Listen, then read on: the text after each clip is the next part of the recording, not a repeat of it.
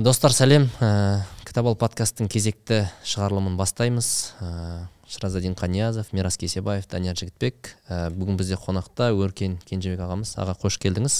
Қош келдік. Ә, біздің кітап ал подкаст ә, білесіздер қазақстанды кітап оқитын елге айналдырамыз деп жүрміз. Ә, қазір түрлі қонақтарымыз келіп жатыр. Ә, өркен аға сол қонақтардың бірі бірегейі. Енді сөзді біз әдетте былай бастаймыз. Өркен аға сіз кімсіз? Өзіңізді ә, халықтың қалай танығанын қалайсыз? Осы сұрақтан бастасақ.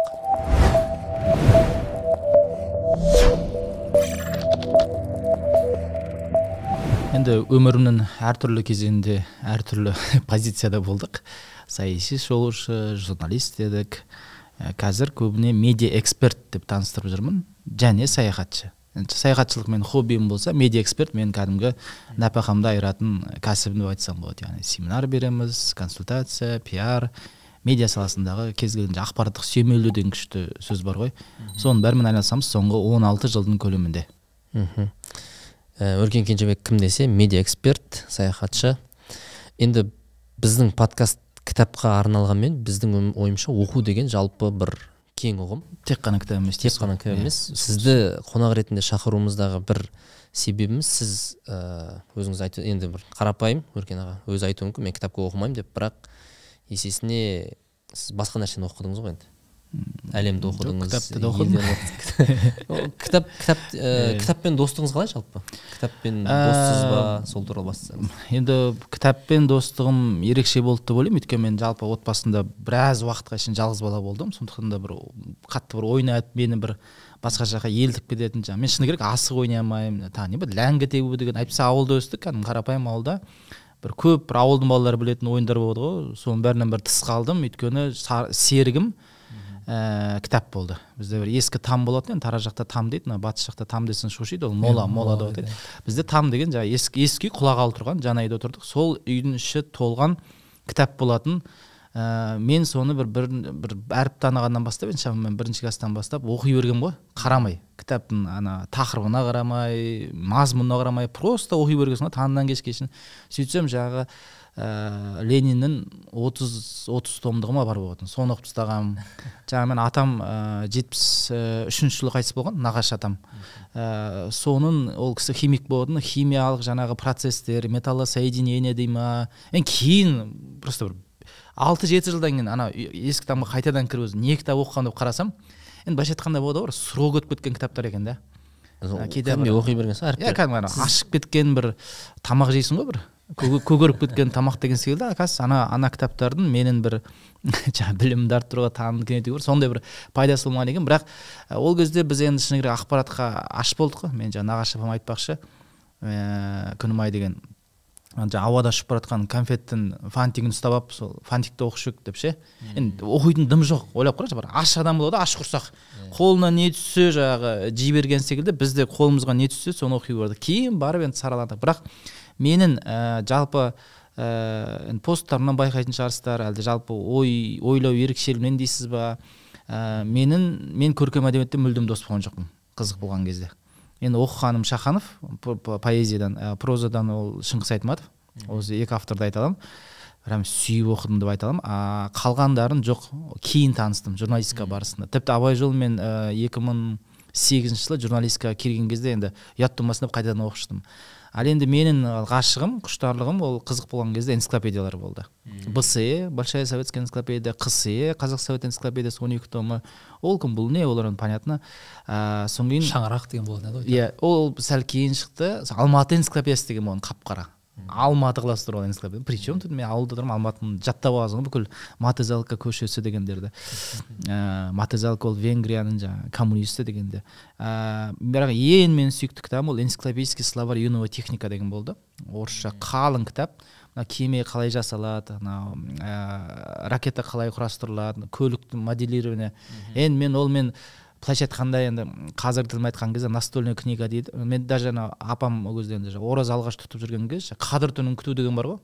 Әйтеуір ұйықтамай отыру керек деген бір несін естіп алғанбыз алтыншы класс бесінші класспыз ба? Сол қа- қадір түнінде сол энциклопедический словарь юного техникумда отыратынбыз ғой таңға шейін деп. Сол кеменің винтін қалай жасайды? Ту шіркін ай деген трюмдар деген сияқты. Сондықтан біз более техникалық әдебиетке жақын болып өстік. Сол кезде сол заманда сол әдебиет болған болып тұр болды болды болды. Советтік енді совет заманында шыны керек наука и жизнь деген ә, керемет ә, Журнал, иә? журнал болды. Мынандай ә, майда майда ма ең соңында фокустар білетін оны енді бәрі жаңағы түп тұқиянына жаңағы былай мұқабасынан келесі мұқабасына шейін оқып тастайтынбыз. И енді өкінішке қарай сол бір соншама алған қызығушылықты құштарлықты бір іске ұластыратындай әрине мүмкіндік болған жоқ. Өйткені біздің ауылда енді ойлап қараңыз біз ағылшын тілін жетінші класстан бастап оқыдық. Ыыы тағы не бар еді енді. Түсінікті ғой енді тоқсаныншы жылдарда қай бір база болсын үйірме болсын моделирование қазір мен кеше бір мектепке бардым. Мен атын айтпай ақ қояйын жарнама болмасын жаңағы қыздармен үйірмеміз деп Ііі, енді құдай самасын анау ә, мектептің ішіндегі бассейні бар. Оның ішінде кеме құрастырып ол жүруге болады екен. Подводный дрон дегені бар. Ана судың астынан бір нәрсені мә, анау кәдімгі ана жерде мен қыздарымны қандай бақыттысыңдар деймін қызғасыныр ма жоқ ана құмыра салғым келеді құмырасы несі ана кеме құрастырмайсың ба деп ұрысып жатыр мен мен орындалмаған арманым ғой былайша айтқан кезде. Ә, барлық әке солай ғой енді. Сондықтан басқа заман бірақ оған өкінбейсің. Ә, ол техникалық әдебиеттің бәрі ойлау жүйеме әсері ә, жақсы болды деп өйткені бәрі мен таңдаған мамандығым программист болды ғой. Сегіз жыл оқыдым программистті төрт жыл одан кейін информатикта төрт жыл сосын журналистикада блогингте болсын. Осы ә, жоғары математиканы сегіз жыл оқыған бәрібір көмектесті. Бір көп нәрсеге шабытпен емес формуламен қарайсың мысалы. Ана журналистикаға ең бірінші келген кезде менен собеседование сұрайды өлең жаза аласың ба? Жоқ деймін. Мен басында өтірік алдағым келген әйтпесе өтірік өлең жаза алмайсың сен не ол не үшін келдің журналистикаға қай бетіңмен ана? Журналисттің бәрі как бы өлең жаза алу керек қой. Содан екінші сұрақ қояды. Енді әңгіме жаза аласың ба дейді? Жоқ деймін. Ә, болды ғой енді алмайды ғой деп ойлап отырмын арай кезде. Сөйтсем айтады наконец то өлең жаза алмайтын наконец то әңгіме жаза алмайтын адам келді ғой дейді. Әйтпесе мысалы біреу футбол матчына барса футбол матч былайша обычный кә- кәдімгі футбол матчы. Шабыт келмей жатыр деп үш сағаттан кейін жазады дейді. Е қайдағы шабыт ол? Әшейін матч қой болды мынау жеңілді мынау жеңді деп жаза салсай деп ана күледі да біздің бас редакторымыз. Сол секілді мүмкін ыыы өмірімдегі осы бір пробел дейміз бе или артықшылық па бұл кемшілік па білмеймін бірақ ә, қазіргі өркеннің қалыптасуына сол техникалық әдебиеттер әсер етті. Бұл жерде мен бір бір сіздің тезисіңіз бар ғой бір кездесуде айтқан. Ә, мен ә, өзімнің бала кездегі қиялдарымды үлкен формада жүзеге асырып жүрмін деген. Мысалы сізді көбі сол энциклопедиялық білімнің иесі ретінде қабылдайды ғой түсінеді ғой сол мә ананың бәрін қайдан білесіз деген сияқты. Сол бала кездегі өркен ғой сол. Иә. Тағы да бір мысалдарыңыз болса айтыңызшы. Мысалы мен бала кезде айтып едіңіз ғой бір есік алдында бүйтіп мысалы сіз саяхатшы Жоқ, кітапқа байланысты керемет мысал бар менде. Енді ондай мысал ешкімде жоқ деп мақтанып кеткен ба? Даже даже деп даже сендерде жоқ дегенсің ба айтпай кеткенбіз иә сол так ә, павел асташенков деген ә, орыстың авторы бар. Сонымен бір мың тоғыз жүз жетпіс сегізінші жылы ма жазған кітап енді. Арман асуында деген. Қазақтар аударған түсін білмеймін мен аудармашысын енді. Керемет аударма емес түсінікті ол биография. Ол биография сергей павлович королев деген мынау совет украин ә, конструкторы алғаш восход ә, восток енді гагаринді аспанға ұшырған өкіл әкесі ғой былайша айтқанда ракетаны құрастырған. Солардың өмірбаян өмірбаяны жайлы. Енді небір адамдардың өмірбаянын оқып жүрміз ғой енді шыны керек бала кезде оқисың жаңағы ананы оқисың мынаны оқисың. Біздің ә, алаш қайраткерлерінің өмірін оқыдық жаңағы ғұмар қараш басқа деген секілді. Жоқ ана кітап неге екені маған прям өзегіме жаңағы шоқ болып түсті ғой. Енді ол кітап ә, немен аяқталады? екі жүз бір білесінші бетінше ол кісі қайтыс болады. бір мың тоғыз жүз алпыс алтыншы жылы москвада бауыр ц- циррозынан қателеспесем енді ана нарко- наркоз енгізген кезде операция жасайды бірақ наркоздан оянбай қалады. Бір мың тоғыз жүз алпыс алтыншы жылы он төртінші февраль ұмытып қалдым енді. Біраз болды ол кісінің өмірбаянын қайта қарамағалы. Қысқасы сонымен кітап бітеді ғой өлді ғой не істейді енді автор енді? Бірақ ананы өлгенін мен қабылдай алмаймын. Қалай бұл кісі ерте қайтыс болып кетті? Ал алпыс тоғызыншы жылы жаңағы америкалықтар айға ә, нені ұшырып жүреді ғой қондырды ғой ракетасын аполлонды. Ал бұл королев негізі тірі болса ол ә, америкалықтардан бұрын ә, Соны совет ә, жаңағы ғарышкерлерін қондыратын несі бар еді негізі потенциалы да ол арманы болатын жақындап қалған қысқасы. Әй болмайды бұл деп. Содан сегізінші класс шамасы общий тетрадь қырық сегіз беттік алдым. Содан ә, ол наркоздан тіріледі. Жаңағы оянады наркоздан галина деген әйелін бетінен құшақтайды нинамет галинамет қызын не қылады сосын кеттім жұмысқа дейді. Содан ә, бұл екі мыңыншы жылы жазып отырмын. То- тоғызыншы класс жоқ тоғызыншы класс. Екінші екі мыңыншы жылы жазып отырмын. Сол қырық сегіз бет қырық тоғыз бет болып бітеді в общем. Ана кітаптың жалғасы. Яғни ол бір мың тоғыз жүз алпыс алтыншы жылдан екі мыңыншы жылға шейін сонда қанша жыл өмір қосып бердім? Отыз төрт жыл. отыз төрт жыл өмір қосып беремін. Сөйтіп ана ә, космонавтикада болған бүкіл жетістіктерді ж- қырып тастайды жаңағы өзі жасап тастайды в общем. Ана америкалықтардан бұрын қондырады союз ә, не жаңағы түйісуі бар ғой жетпіс бесінші жылғы кенеспен алғаш ә, союз аполлон иә союз аполлон алғаш түйісу жаңағы сексен алтыншы жылы вега спутнигінің жаңағы шолпанды алғаш түсіруі деген секілді. Қысқасы екі мыңыншы дейін қандай жетістік болды? Бәрін соған. Бәрін өзі жасап красавчик болып қартайып ақыл есінен алжаспай қырымда дачасы болған.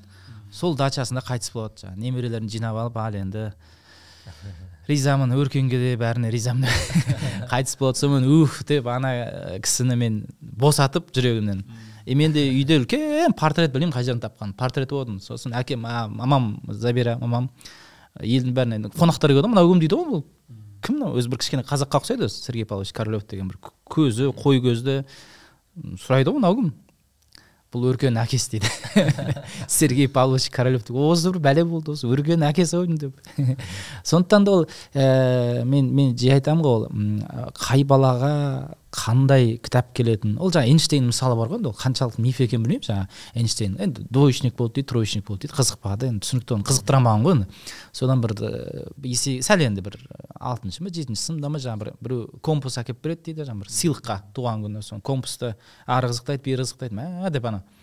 Не деген қызық бұл солтүстікке жаңағы қарата береді сол содан ашып қысқасы ғылымға ары қарай қызығушылық артып кетті деп айтады ғой. Яғни бір біреуге біреудің қызығушылығы мүмкін микроскоп ашып жібереді да мысалы. Біреудікі телескоп біреудікі компас біреудікі жаңағы керек кітап жаңағы менікі павел асташенков деген секілді или көркем әдебиет мысалы біреуге жаңағы білмеймін мұхтар шахановтың өлеңі деген секілді бұл жерде сондықтан да түрлі ә, енді балаға енді конечно идеалында түрлі инструменттерді түрлі ә, мүмкіндіктерді көрсете білу керек екен бір болады ғой. Біреу болмаса біреу анық оған дәл келеді қолайына ыңғайына. Жаңағы алла тағала жаратқан миссиясына бір жаңағы не құлпына кілт ретінде сондықтан да менің мысалымда ол осылай болды павел асташенков мысалы бізде былай болуы мүмкін ғой. Ол кітап жатыр да бағанағы. Электроника ғарыш ата анасы қызықпайды да. Ол ата анасы үшін анау бір артық кітап қызық емес кітап.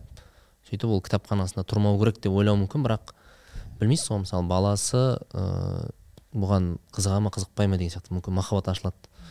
Бізде мәкеңде мысалы биология қызығады иә адамның ағзасы мен әлі күнге дейін энциклопедия сатып аламын негізінде сол болды ма сондай оқиға өркен аға сияқты мысалы? Менде үйде сол шаңырақ болды үлкен жаңағы ата анама сыйлық ретінде келген ғой үйленген кездеріне сосын ашып қараймын ана жерде бүкіл балықтар бар түрлі жұлдыздардың аттары бар анан апта сайын бір рет қарайсың өйткені үйде қалып қоясың үйде телевизор черно белый оның өзі күннің үш төрт сағатына свет жанады да қалған уақытта свет жанбайды. Амал жоқ анада кітап оқудан басқа сенде шаруа болмайды да. Біраз кітаптар болды бірақ соның ішінде қатты әсер беретіні сол жаңағы энциклопедиялық кітаптар да. Маған енді әдеби кітапты мен андай қатты сүйсініп оқымаймын. Кейде просто оқу керек ана бір қиялын дамытады сол уақытта оқимын ал энциклопедияны берсе мүлдем анда баса алмай қаламын әлі күнге дейін өйткені білмеймін. Қазір ғылым дамыған сайын ана атомның ішіндегі бүкіл бәлеуатырдың бәрін шығарып жатыр ғой қазір ше. Ашқан сайын оқыған сайын біздің дым білмейтін түсінесің да біздің кезде детская энциклопедия деген болды росмен. Болды ма? Сіз жоқ Екі біз одан уже өсіп өтіп кеткен кезіміз иә өкінішке қарай. Сол жерде де бар ғой росменнің шығарған детская энциклопедия бүкіл анау. Жанартаулар қыртыстар планеталар өндіріс деген жоқ өзі мынау жаратылысқа қызығу сол энциклопедиядан басталды деп ойлаймын. Жалпы совет заманында мынау жаңағы айтып отыр ғой ә, сыйлыққа келген деп ше? Осы жаңағы ә, энциклопедияларды сыйға тарту жаңағы туған күніне бір кітап беру дәстүр айтамыз ғой. Енді бәрібір болған өкінішке қарай ол мәдениеттен біз ажырап қалдық қазір жаңағы не еді бір галстук береміз болмайтын жаңағы не еді нәски шапан жаңағы Киілмейтін хаттама рубашка. хаттама шапан бар. Ішінде кордоны бар деген секілді жаңағы тұсаукесерде жаңағы не, не береміз. Ә, негізі сол энциклопедия беру дәстүрін шіркін жалғастырса біздің де ұлттық энциклопедия бар ғой қазір қанша том болды екен ұмытып қалдым. Энциклопедия өзі мынандай қомақты үлкен Иә, нәрсе ғой. ол, ол керемет сыйлық ол, және ол оқылу керек деп ойлаймын. Өйткені біз мынау енді әлеуметтік желі дамыған сайын мына қолымызда википедия тұр. Мүлдем мына бір не болды ғой қазір мынау мынау телефон біздің бір миымыздың флешкасы секілді да кәдімгі болады ғой. Аха. Ә, мынаусыз біз ешкім емеспіз. Мынаусыз біз кәдімгі пустышка бір болады ғой бір компьютердің кейсіміз. Бүкіл ә, керек жаңағы ром рам драм бәрі мына сыртта жүр да мысалы. Ол болмайды. Мен мен ойымша ол ә, енді көпшілік адам жалпы енді абай айтпақшы тобыр үшін мүмкін ә, бұл қатты бір маңызды іс емес шығар. Бірақ ә, осы елдің елдік миссиясы бар адамдар үшін белгілі бір деңгейде білім көкжиегін арттыру ә, маңызды деп ойлаймын мына серік абашақ деген ағамыз бар ғой енді. Кейбір псих, идеал, идеялық көзқарастарымыз келіспеуі мүмкін бірақ ұстазым деп санаймын ол кісіні. Қазақстан арнасында сол кісі те журналистикаға келген кезде адамдарда журналист келіп тұр бірақ қарапайым ә, элементарный заттар сұрайтын содан бір күні бір қыз маған звондайды дос қызым ойбай өркен мына битум неден жасалады деп. Битум бар ғой асфальтқа төсейтін. Енді мұнайдың қалдығынан енді түсінікті ол бензин шығады одан кейін авиациялық авиациялық керосин одан кейін бензин жаңағы мазут битум ең соңғы құймалжың қалдығы ешнәрсе мәссаған қазір собеседование мен алдымда бір қыз кірді битум неден жасалатынын білмеді сонымен оны қабылдамады дейді да. Мен маған қазір қандай сұрақ қояр екен деп. Ол серік абашақтың сондай принципі маған ұнайды да яғни сен журналист болсаң әр саладан там тұмдап ең болмаса негізін білу керек өзі. Журналист деген сөз анықтамасы сонда ғой. Еш нәрсені толық білмейтін бірақ әр нәрсені шалапыла білетін адам деген бір. Не ғой? Әр нәрсені бір нәрсесін біл бір нәрсенің әр нәрсесін біл иә иә дәл солай. Сондықтан да әр адам үшін бұл енді менің ұстаным мүмкін дұрыс емес шығар ііі шіркін ай. Барлық саладан там тұмдап хабары болса деп ойлайсың. Бірақ және оның көрінісін біз қазір қайдан көріп жатырмыз мысалы коронавирус кезінде жаңағы қуат хамит секілді жаңағы ойбай деген спортшыларымыз өзі коронавирусты вертолетпен тастап жатыр деген секілді. Сол әңгімені деп отқанда айтпашы таразда қасында отырғанмын бір нәрсе дейін десем ұрып жүре ма деп қорықтым. Кейін айтып жатырмық қой қазір батырсын ол жоқ кезде. Мысалы деймін де енді. Ол жаңағы мектеп бағдарламасында кәдімгі элементарный жетінші класстың физикасы кәдімгідей. Мысалы ә, тарих. Ә, тоғызыншы тоғызыншы класстың тарихы жаңа ғасыр тарих деп айт жаңа ой жаңа дәуір тарих деп па біз өтуші мысалы неміз германия біз жаулап алған кезде шіркін ай сол кезде. Фашистік германия біз ұтылып олар біз жаулап алған кезде бәріміз мерседес бмв мініп жүріп едік деген секілді. Бос киіп. Мысалы да жаңағы әй әй тоғызыншы тарихы ғой қалай сені? Олар сені жаңағы түркістан легионы деп ә, түркістан легионы емес автономия деп бөлгісі келді. Осы бәрін бірігіп жаңағы атақты профессор өлім профессор мендел ә, эксперимент жасаған қысық көздер өйткені біз арий емеспіз ғой. Yeah, көзін дәу көк көз ол кәдімгідей қолға түскен жаңағы қазақ қырғыз қысық көзділер да қысқасы. Қалай глазной разрезді үлкейтемін. И мына қоңыр көздерді қалай қарашығын алып тастап көк жаңағы кристальный андай ғой голубой. Нағыз немістердің мөлдір мөлдір көкті қалай кіргіземін деп сонымен айналысып сонымен талай адамды өлтірген мен мысалы жаңағы польшадағы краковтағы концлагерьде болған кезде сол жаңағы мендельдің ә, зертханасы бар. Ей айналайын сен подобный крыса кәдімгідей ә, не өлімге ә, бұйырылып қойған үміт едің ғой былайша айтқан кезде. Мысалы деймін да шіркін ай ол тарихты оқымау тоғызыншы класста құқықты енді ол мектеп бағдарламасын айтып отырмын. Ол ол одан тыс білім көкжиегі тұр. Соны ал енді жаңағы сіздердің миссияларыңыз да сол ғой. Шіркін ай әр қазақтың білім көкжиегі кем болса ол жаңағы біз аңсаған мысалы финляндия болмайтын ел. Мен болдым екі рет. жүз сексен мың көл бар. Картасында. Ә, жаңағы он күн ба күн шықпайды. Он күн күн ә, батпайды. Жаңағы полярныйден полярный өлші дейді адам тұратын ит байласа тұратын жер емес та негізі тұрған жері. Бірақ бес ақ миллион халық. Бес миллион халық бірақ бес жыл болды world happiness report дейді ғой біріккен ұлттар ә, рейтингі бойынша. Әлемдегі ең бақытты ел дегенде бермей келе жатыр бес ақ миллион халық. Және қарасаңыз ең бірінші көрсеткіші солардың жоғары білімділігі. Және сол білімін мына заманның талабына сай ә, қолдана алуында. То есть ол жердегі 5 миллион адамның орындары анық та. Әрқайсысы конкретно әр жерде жұмыс істеп жатыр мысалы біреуі нокияда біреуі ә, коне деген лифтіні көрсеңіздер сол конеде біреуі рейма деген куртка тігіп жатыр деген секілді әрқайсысы бес миллион адам тап тұйнақтай елу миллион мысалы пакистанда жүз жүз екі жүз қазір қанша миллион болып кетті екі жүз жиырма миллион екі жүз жиырма миллион болып кетті бангладеште жаңағы жүз жетпіс екі миллион солардың істемей жатқан шаруасын бес миллион адам тап тұйнақтай тық тық тық тық істеп жатыр да мысалы көрдіңіз ба сондықтан да білім білімнің екіншіден сол ә, қолдану аясын табу қысқасы. Ой мынандай болып тұр да. Егер әр үйде бала өсіп жатқан жерде энциклопедия болсын тарих болсын көркем әдебиет болсын бәрі болса бала хотя бір оқып шығып өзінің қай жері қай салаға өзінің қызығушылығын біле алатын еді да негізінде. Көптеген жастар мысалы ешқандай кітап оқымайды да бірден құрылысқа кетіп қалады таксовкаға күзетшіге кетіп қалады да. Өйткені ішіндегі қандай қызығушылығы бар екенін білмейді. Ал мысалы көп адам бала кезден әртүрлі нәрсені оқып отырып «Ә, менің мына нәрсеге қызығатынын байқайды екен сол салаға кете бастайды саналы түрде ше негізі. Сол үшін бағанағыдай энциклопедиялар кітаптар әр үйде негізі болу керек деп ойлаймын ше. Негізі мынау инсайт бүгінгі мынау подкасттан бір инсайт. Ә, энциклопедия. Бір бірімізге энциклопедия сыйлайық. Мен қазір есіме түсіп отыр мен балама ә, төрт жасар балам ғой енді әлихан. Оған төрт жасар кезінде мынау біздің кітап алда тұрдым. Қараймын динозавр жануар жануарлар жақсы көреді да. Ана ә, балаларға арналған бір суреттері ерекше жануар, жануарлар туралы кітап таппадым да сосын энциклопедия ала салдым. Сол анау энциклопедияны алсам кәдімгідей қазіргі капибара деген мысалы жануарлардың аттарын біледі да. оңтүстік америкада. Оңтүстік америка капибара тағы окапи деген жануар бар екен. Окапи. деген білесіз ба? Анау мойны жираф ә, арт жағы жир- не зебра. Сондай жануар бар екен. Салған сияқты. Сондай иә соны мысалы ә, балам біледі. Сосын қосымша ютубтан соның нелерін көреміз. Қалай дыбыс шығарады қалай. Сол кезде бір инсайт келіп тұр бүгін. Өркен аға рахмет. Осындай бір энциклопедия сыйлау ғой бір қарасаң ұялмай сыйлайсың үлкен. Және ә, бір кәдімгідей баланың танымын кеңейтеді да мысалы.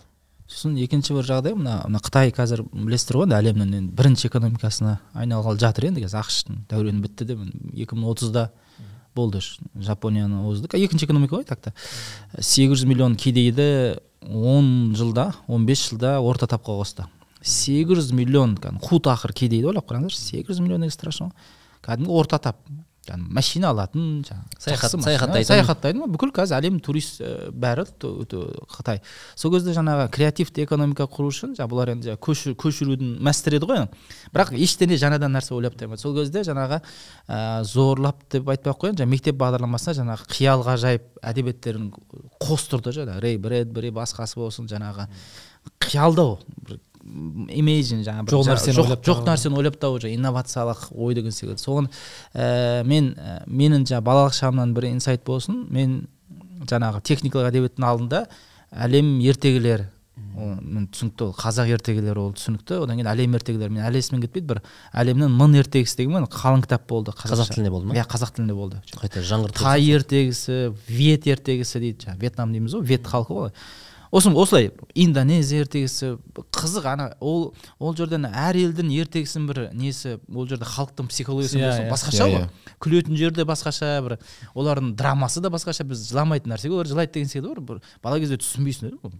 Тайлар бір қуады екен деген секілді ғой болады ғой бірақ бірақ сөйте сөйте сөйте ана сүйіспеншілік пайда болады және ол жерде бәрі креатив қой ертегі деген жаңағы. Ана мысалы біздің ерте сөйтеді масқара ғой мысалы жалмауыз кемпірдің тісі не деген страшно ана. Тісімен өткір дейсің ғой. бәйтерек қазады и ана лақтырған кезде тайдың тұлпардың аяғын жұлып түсіреді зенаның домалағы сияқты ма? Иә иә иә. Иә миында взрыв қой ше қалай не деген тіс деген секілді. Мысалы да енді сондықтан да осы ертегі мен өстім мен өте көп оқыдым. Неше жасыңызда оқи бастадыңыз? Э, алты жетіден. Ерте оқыған жоқпын біз енді совет заманымыз қалай өзіңіз оқыдыңыз ғой бір оқып жоқ жоқ жоқ ондай. Мен, мен жалғыз бала өстім ғой енді. Кім маған көңіл бөледі? Мама жұмыста апам ол кезде жұмыста. Біз таза өз өзімізбен. Бірақ ә, бір кітапты айта кетейін. Өзі осының алдында бір орысша подкаст бергенмін руслан шайкинге. Ол кезде де айттым кітап туралы бір сұрақ болды. Ол дым емес незнайка менің ең сүйікті персонажым ол николай носов. Ойбай мен жыл сайын оқитынмын қоңыр Айға сапар. Қазақша аудармасы ай қандай ғажап айға сапар. Қарасам кейін саяхатым да бәрі сол мен өзім мен өзім дым емес деп есептеймін жалпы. Жоқ шынымен де дым емеспін жаңағы сократ айтпақшы. Я ничего не знаю. Ә, айға саяхаты мен бәріне кеңес беремін кім оқымаса ол өмірінде көп нәрсе жоғалтты деп ойлаймын. Өйткені ол жерде әрі ертегі әрі сұмдық ә, реализм. Қазіргі капитализм шындығы деп айтайықшы жаңағы ақшаң жоқ болса ешкім емессің деген секілді. Білесіз ғой ол ана айдың ішінде барады лос сумпайнес деген қала бар ол қазір лос анджелес қой енді. Совет заманында жасалып тұр ғой енді түсінікті андай пародия ғой. Ана капитализм оңбағандар деген сияқты біз жоқ мәселе ода емес. Ол жердегі моральдық ә, моральдық посыл деген қазақша қалай болады моралдық ойы дейді. Ой бір тұжырымдары өте ғажап. Мысалы ана ә, есімнен кетпейді бір эпизод жаңағы дым білместі соттайды ғой бала несімен бірге достарымен бірге. Ақша төлемеген үшін ба бір жазалаймыз дейді. Малдар аралы деген жерге жүреді бір жаңағы кемемен апарып тастайды. Сөйтсе малдар аралында че то түрмеге ұқсамайды. Арал тропикалық пальмалар өсіп тұр жаңағы тамақ ішіп жатыр балалар зыр жүгіріп жүр карусельдер жаңағы кино ашық тұр. Музыка ойнап тұр деген соң дым білмес енді. Кішкентай бала ғой енді түсінбейді. Оны че то түрмеге ұқсамайды. Ей жарайды. Ба- ойын баласы ғой ойнап кетеді. Бірақ ана аралда малдар көп та қойлар көп.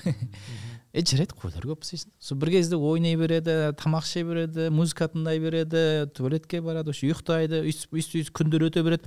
Бір кезде ана қасындағы достарының үстіне жайлап жүндері шыға бастайды да. Жайлап жүндері қалыңдай бастайды түбіттеніп.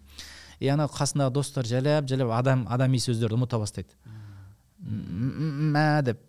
Атың кім десе мақсат деген «М, мақсат мынау не болып бара жатыр ана а дейді да. Мынау екен ғой жазасы дейді да.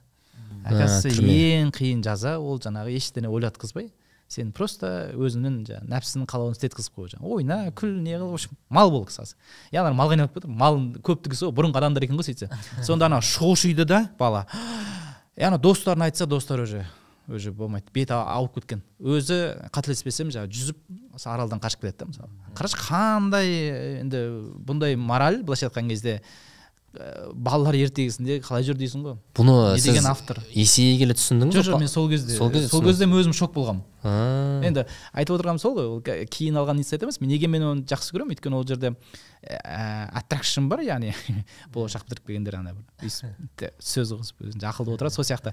Яғни қызық та анау. Айдың ана ракетаның ішіне жасырын кіріп кетеді анау кратерді іздейді бір қызық эпиз- ә, сюжет те бар.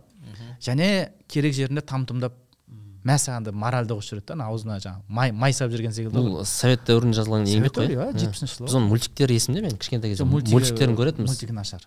Кітабы шедевр. Мультиктер енді қазақшаға аударылған болып тұр ғой иә қазақша керемет аудармасы бар. Прям қайда? Мәке қырт іздеп табу керек еді соны шығарып. Қоңыр шыққан болуы да мүмкін. Сұр болу керек. Қалың еще ол мынандай кітап.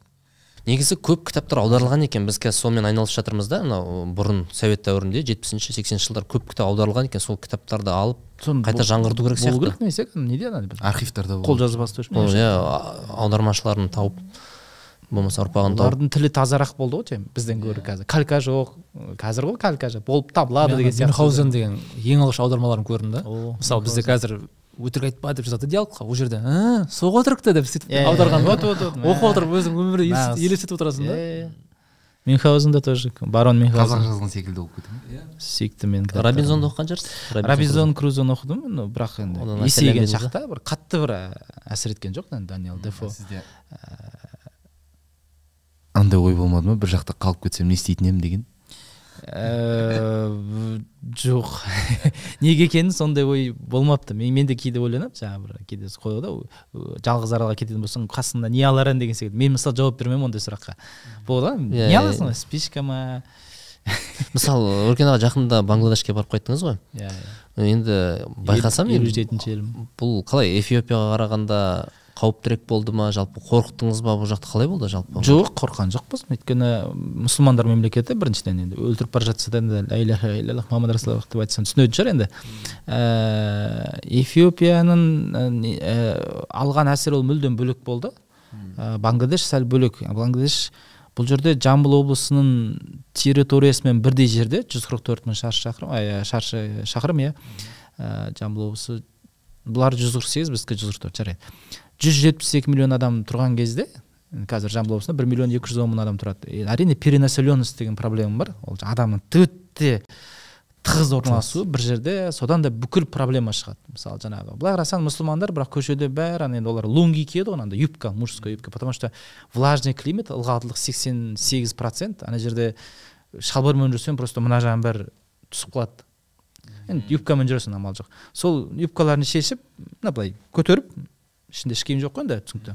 Бәрі бүйтіп қаз қатар ііі дәрет сындырып жатыр да. Базардың бойында көшенің бойында. Мен біреуін видеоға түсірген жоқпын. Онсыз да бұл шок контент болды. Оны түсірсем енді мынау енді мұсылмандар бітіпті ғой деп ана. Онсыз да исламофоб исламофобияның қазір өршіп тұрған заманы. Осы дәл соны үш рет төрт рет көз алдыма келді яков та қасымдағы түсірмеді. Понятно деген секілді ше в общем бұны түсірмей ақ қойшы өйткені инфраструктура мүлдем жоқ. Қараңызшы сіз қандай тақуа болып тұрсаңыз да енді бізде мысалы қазір алматының көшесінде де бір кетіп бара жатсаң әйтеуір кофейня бар білмеймін бір жаңағы бір мол бар жаңағы иә? Ойын сауық орталығы мега деген секілді көп қой енді бізде не көп. Дым жоқ қой базар қайнап тұрған. Қайда барасың? Қоғамдық әжетханалар жоқ. Сондықтан да бұл бір проблема иә мысалы. Оны өзен ағып жатыр ол жерге жаңағы жануардың өлігін тастайды. Адамдардың ә, жаңағы бүкіл канализация жоқ қой. Дакканың сексен бес процентінде канализация жоқ. Яғни ішкен жегеннің бәрі бірден өзенге ағады. Ол өзен Ган- ганга өзені и так та ол ганга ана жақтан өзі басынан бүлінген ганга ол аяғында да аналар бангладештер аямай отходын төгеді. Еще бүкіл жаңағы киім тігетін фабрикалар неге зара H&M бәрі бангладеште тігеді? Өйткені біріншіден арзан ол жерде әр қызметкер ары кетсе бес доллар алады күніне. Екіншіден экологиялық нормативтер жоқ қой мысалы сіз европада ол бояуды қайтадан суға ағызбас бұрын білмеймін. Оны пәлен фильтрден өткізу керек. Фильтр дегеніңіз масқара ақша инвестиция одан қайтпайды ол ақша кейде бір мысалы мен біз есеп- есептегенбіз бір заводтың кейде құнының қырық проценті біздің қарағандыда бір завод соқты сол заводтың бәленбай миллиард доллар салған соның қырық проценті фильтр екен да. Анау. Нені өңдейтін не еді жаңағы қанша кем зиянмен шығады иә иә ойлап қара масқара ғой енді сол шығынды азайту үшін еуропалықтар түгел бангладешке апарған ана жерде төрт миллион адам күніне киім тігеді енді әлемнің екінші елі ғой экспортер сонда бүкіл бояуды өзенге ағыза береді өзен кәдімгі қап қара мұнай ғой кәдімгі мұнай ана өзен ақпайды андай бір керосин сияқты болып қалған да бір ішінде бір біртүрлі мутант балықтар жүр да ананы жесең точно өлесің яғни қалай айтсақ болады. Заң жоқ коррупция мен жаңағы қатты жаным ашыған жаңағы балалар ә, жезөкшелігі ғой мысалы. Бүкіл юнисефтен юнисеф қатты өтірік айтпайтын шығар енді. Елдің алты процентінен он сегіз процентіне шейін жезөкшелікпен айналысады дейді да то есть. Мәжбүрлі жезөкшелікпен. Енді өз еркімен ары кетсе он ақ процент әйелдер барады. Қалғаны он он екі жасар кезінде балаларды кедей отбасыларды аралап жүріп баяғыда тоқсаныншы жылдар болушы еді бір аралап жүріп бір жаңағы медресеге бір нәрсеге тартып жоқ олай емес ол жақта жезөкшелер үйіне шақырады. Мысалы бір кедейдің үйіне барады сегіз баласы бар. А проблема білесіз ба неде екенін кедейлердің жері жоқ. Но жер аз ғой. жүз жетпіс екі миллион адам бүкіл джунглиді отап тастаған. Бәрі ашық жерге банан егеді там күріш егеді енді жаңадан адамдар туып жатыр қысқасы. Тоқтамай періп жатыр. Періп жатыр деген енді былай. Миллиондар кетіп жатыр да. Енді күріш егетін жер жоқ мысалы. Сегіз баланы туып тастаған алдында жер жоқ. Аштан өлудің алдында тұр сол кезде ана жезөкшелер үйінің сутенерлері келеді. Так мынау бір екі әдемі қызыңыз бар екен енді жастар келіп қалыпты тоғыз. Бұны енді точно енді бір тамақ пісірсе ана екі ауыз ғой. Мына екі ауызды алып кетейік біз. Біз тамағын береміз. Киімдерін түгел қыламыз. Сосын кейін бір екі үш жылдан кейін жағдайларың түзелгеннен кейін алып кетесіздер деген соң а болды алып кетеді. А, ақша бермей ма? Жоқ ойбой ақша беру қайда? Негізі бес мың доллар деп айтады бір жаңағы қызды сатып алу он жасар қызды. Ол қазір уже бұрын дейді ол бұрын бес мың доллар беретін дейді. Қазір адамның құны түсіп кеткен дейді ол үш есе азайған дейді. Бес мыңды үш есеге азайтсаң қанша болады? Ол берсе өйткені адам көп қой адамның құны жоқ қой уже. қазір тегін алып кетеді дейді да үйіне барып енді мынау просто тамақ беремін деген. Қысқасы қызыңызды бір үш жыл мен асыраймын деп тұр мен асыраймын. Кейін алып кетесіздер. Қайда қалған? Өйткені бәрі мұсылман мемлекеті болғандықтан ол жезөкше болды дегеннен кейін бітті ол уже. Ол қыз уже жоқ. Одан гөрі орнына бір қыз туып аламыз дейді да. Сондай айтайын деп отырған мына бізде де қазір көп қой жаңағы қазақтың саны сексен миллион болса бүкіл проблемамыз шешіліп кетеді осы. Ойбай коррупцияда де құдай самасын қазақтың жаңағы үстіне қой қой үстіне бос тұрады. Жоқ. Осы жағын ойлану керек та. Перенаселение деген үлкен мәселе. Кейде адамның тууын жоспарламаса ол ә, жаңағы мен жаңағы финляндияны бекерге мысал келтірген жоқпын. Былтыр ауызашарда бір данияны мысал келтіремін деп бәле қылғам бес миллион халқы бар тоже дания. Он үш нобель сыйлығының лауреаты шыққан. Мысалы әлемге танымал брендтер сапа керек па сан керек па деген сияқты сұрақ туады да енді бұл жерде дилемма әрине. Кейде біреу айтады саннан сапа шығады дейді. Бірақ былай қарасаң мына жақта мынадай да мысал бар деген секілді. Жапония яғни адамды енді енді бағанағы дым білмесін малдар арал, арал, арал деген секілді кәдімгі адамдардың құны жоқ қой. Мен де бір соған жаным ашиды және мен қатты бір инсайт демей ақ қояйын енді бір жаныма тигені енді бір әкеміз ғой менің де қызым тоғызға келді. Енді ойлап қарашы софия тоғызға келді. Сол шамада олар жезөкше болып жүр бәрі мысалы. Бізден көріскен жоқ олар көріспейді дейді бәрін түсіреді оңбағандар шулатады деп айтады. Ә, сонда ана қыздар он жастан баспай жезөкше болған кезде күні күніне он он екі адам не болып кетті сіздердің подкасттарыңыз. Ә, қабылдаған кезде он бес он алты жасына шейін бала ғой бәрі бала ғой бір. Ә, мына алғаш тапқан табыстарына жа- жаңағы олардың интервью бар тәтті алып жейміз дейді да мысалы магазинге барып. Кола алып ішеді. Болды кәдімгі бір Балалық- сникерс алып жейді. Бала да ол иә. бала.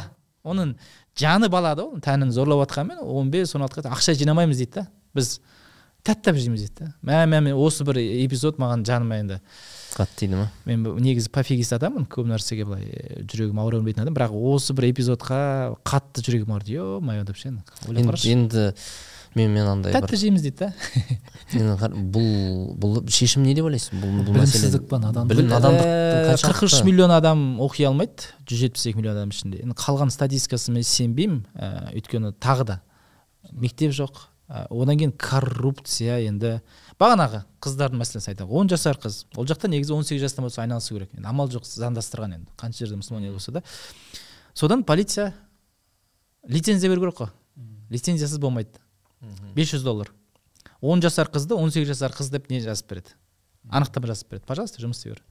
Ей мынау он жасар қызды ей бұл мынау мынау че то он сегіз жасар қыз ба жоқ құжатын қара он сегіз. Құжаты дұрыс дұрыс қой. Қа- қандай әңгімем бар? Бір тексеріс келсе мысалы көрдіңіз ғой бытовая коррупция дейміз ғой яғни тұрмыстық коррупция ол енді әбден ана қоғамның ана қатпар қатпарына кетіп қалған да то есть. Енді ондай қоғамды емдеу біздің феминистер ә, феминистер бұл, бұл моментке қуанбайтын шығар. Ол елді мысалы әйел адам басқарып отыр. 14 жылдан бері шейх хасина деген алғашқы президенттің қызы. Әйел адам. Мысалы да. Иә иә.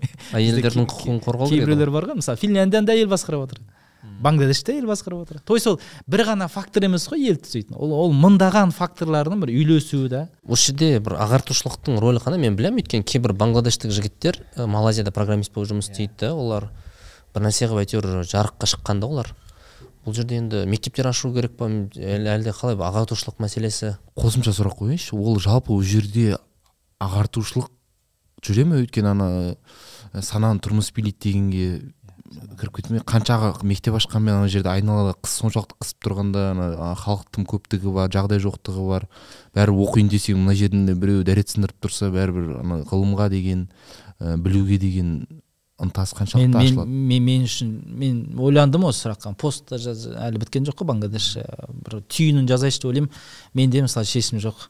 Енді құдайдың бір сынағы да шығар сол елге не, не үшін ондай сынақ екен? Бірақ бір өте ауыр ә, жағдайда. Енді ондай елдер көп. Мен неге қазақстанға туғаныма шүкір дедім. Мысалы мальдив. Мальдив аралдары деген енді ойбай жаңағы біз жердегі жұмақ секілді көрсетеді ғой. Жоқ әдемі расымен де суы мөлдір. Бірақ ол аралдар жаңағы екі мың сегіз жүз бет арал. Ол аралдар еще бір аралда болып жарытпаған андай кішкентай кішкентай коралл ғой коралдық атолл дейді мына ортасында суы бар. Айналасы лагуна көбіне жасанды арал салады үш жүз мыңдай адам тұрады. Енді не өзен жоқ ең биік жері википедиядан көрсеңіздер болады ең биік тауының ә, биіктігі қанша деп ойлайсыздар мальдивада 15 метр. Бір метр. Бір метр жерге шығады да олар теңіз деңгейінен бір иә метр ма? Жоқ жоқ теңізде иә өзі Су ғой енді, су былай былай. мүмкін былай мынандай жерде олар айтады міне біз ең биік шыңына барып бүгін пикник жасап қайттық деген сияқты. прикол ұстап отырмын конечно мальдивтіктер ренжімесін көріп отырса. Мальдивтер болса жазасаңыздаршы. тұщы су жоқ қой тұщы су жоқ. Тұщы суды өндіреді өздері енді жаңағы немен бірақ ә, бүкіл азық түлік өспейді нөл. Австралиядан тасиды. Ә, ме- мемлекет ретінде сондай кедей тағы да мұсылман мемлекет өкінішке қарай ә, мысалы өзінің квотасын олар ғана айналасында құдайға шүкір үнді мұхиты бар жаңағы балық көп қой. Олар үш жүз мың халыққа бір кішкене аулайды қалған квотаның бәрін сатып жібереді. Жапония жаңағы норвегия сияқты ба- балықты көп керек ететін елдерге өздерінің байлығын сатып жібереді жаңағы квотасын. Пәленбай мың тоннаны солар жапондар аулап кетеді. Ә, почта маркасын шығарады маркасы бір ары кетсе бюджеттің бір жиырма процентін жабады деген секілді ғой то есть. Туризм ары кетсе отыз процент жабады деген секілді. Сондықтан да кейде ойлайсың да ондай жерге сен мысалы мальдивке президенттікке сені апарып қойса да мені апарып қойса да ли куан ю там кім бар еді? Трамп байден кімді назарбаевты апарып қойсаң да ана жерде ешнәрсе істей алмайды да. Сондай бір жерлер бар құдай шектеп қойған. Потенциал шектеулі. Ана енді кісілерде болады ғой жаңағы мүмкіндігі шектеулі деп айтамыз ғой енді. Ол кісі ертең спортсмен болып кете алмайды ол. Мысалы да и сондай елдер де бар да құдай шектеп қойған ананы ешнәрсе істей алмайсың дейсің. Енді оның қасында қазақстан. Потенциал ойбай ол масқара ғой енді. Жер қандай байлық қандай біздің халықтың сауаттылығы тоқсан тоғызда екі процент. Білмеймін не үшін нөл бүтін оннан сегіз процент қайда жүргенін сабақ оқымай. Білмеймін.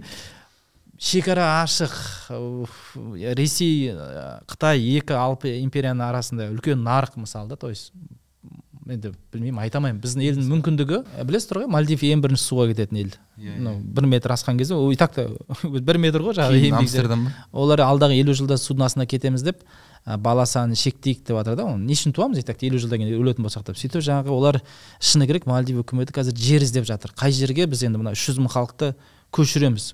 Бангладеш не еді жаңағы австралия жақтан ба бір аралдарды жалға алайық деген секілді кішкене дәуірек и өкінішке орай бангладеште судың астына кетеді егер ғаламдық жылыну бола берсе. Бангладеш Өйткені таулы Бангладеш- жерде емес па? Таулы жерде жоқ жоқ ол үсті ғана бір отыз пайызы тау. Ал негізгісі ол үш өзеннің дельтасы ғой атырауы. Үш өзен ганга брахмапутра падма. И ол жерлер теңіз деңгейінен теңіз деңгейімен бірдей орналасқан. Прям бүп бірдей и онсыз да жыл сайын цунами ә, ұрған кезде бангладеш жерінің жетпіс проценті судың астында тұрады алты ай бойы. жетпіс процент. Жетпіс процент бірақ бағана халық саны кемей ма кемей ме? жаңбырлы кезеңде. Жүз жетпіс екі миллион. өледі ғой жыл сайын. Өліп жатыр өлсе де миллиондап өлетін шығар ол жерде. Иә. Ол жоқ бірақ ә, қазақстанның жиырма миллионынан бір миллион мен жетпіс миллион бір миллион бәрі басқаша Иә, қабылданады ғой. Жоқ ол жақта біз ана пароммен жүздік айтпақшы. Үш күн. Енді мә мен қатты қорыққаным енді ең бірінші қорыққаным сол болды. Өйткені мен әбден жаңалықтардан оқығанмын. Бангладеште ең көп аварияға ұшырайтын нәрсе паром. Неге деп ойлайсыздар? Көп қой өйткені жер тар. Паромдар көп. Паром мысалы мың адам сияды ғой паром бар ғой кеме адамдар машинасы. Коррупция. Мың адам ә, мінетін паромға бес мың адам отырып алады да.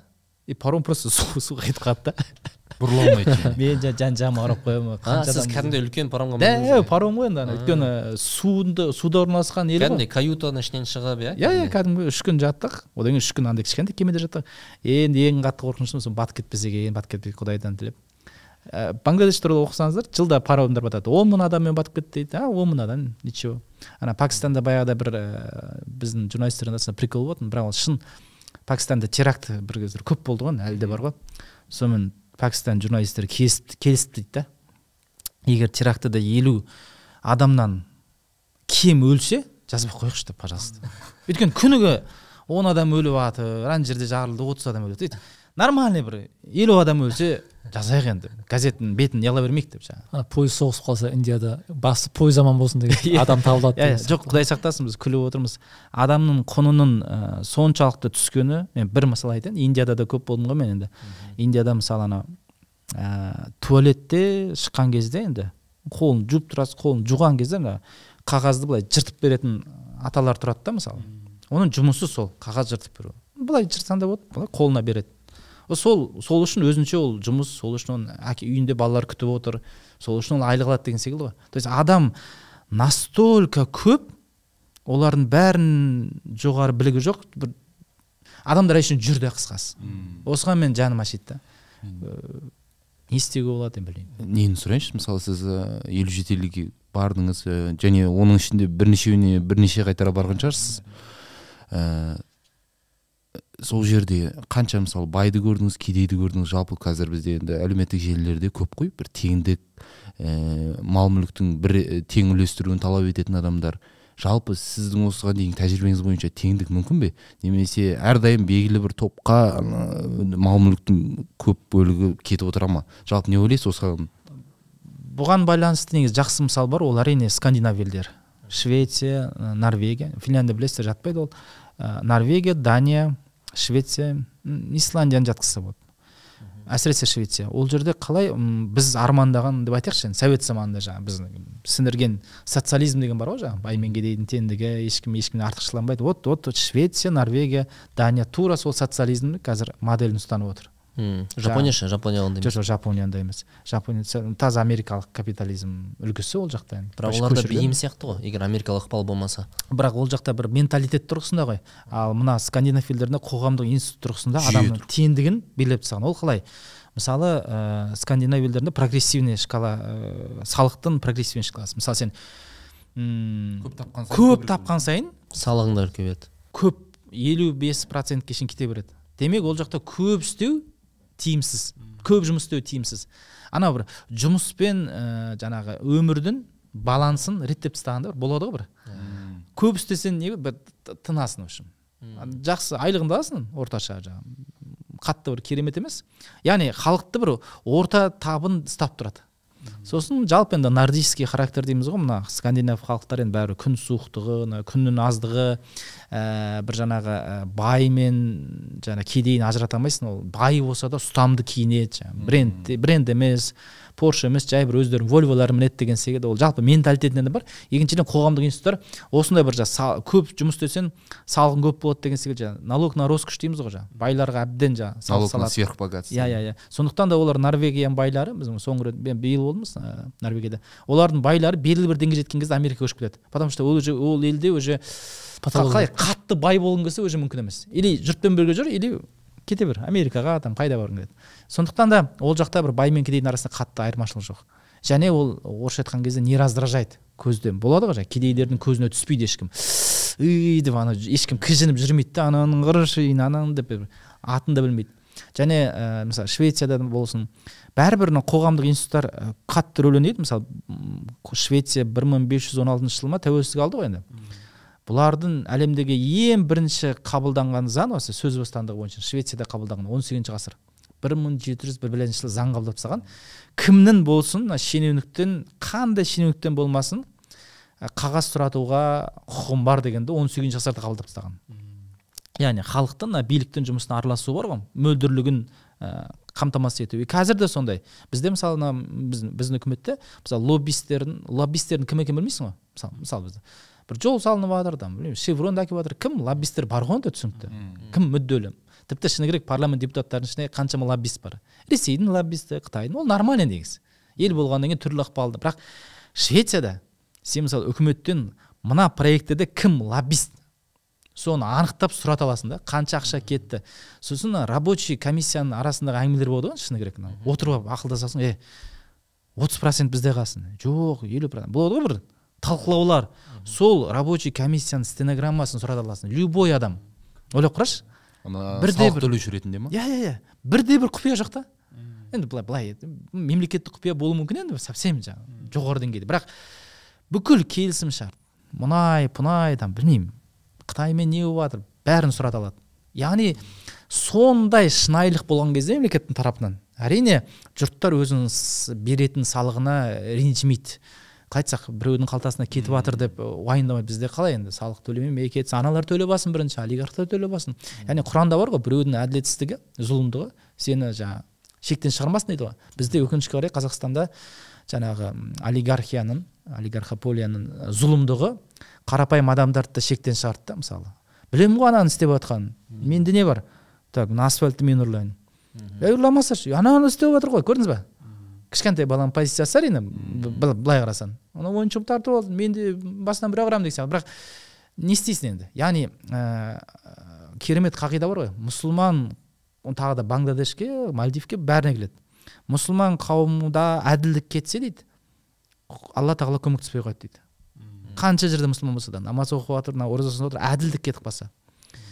Кәпір қауым ғой енді? Дін діннен алыс қауым или жапония болсын атеист құдай санбасын жапонияның діні вообще синтоизм ол жақта сегіз миллион рух бар оған. Синат синатындар синар так атеист.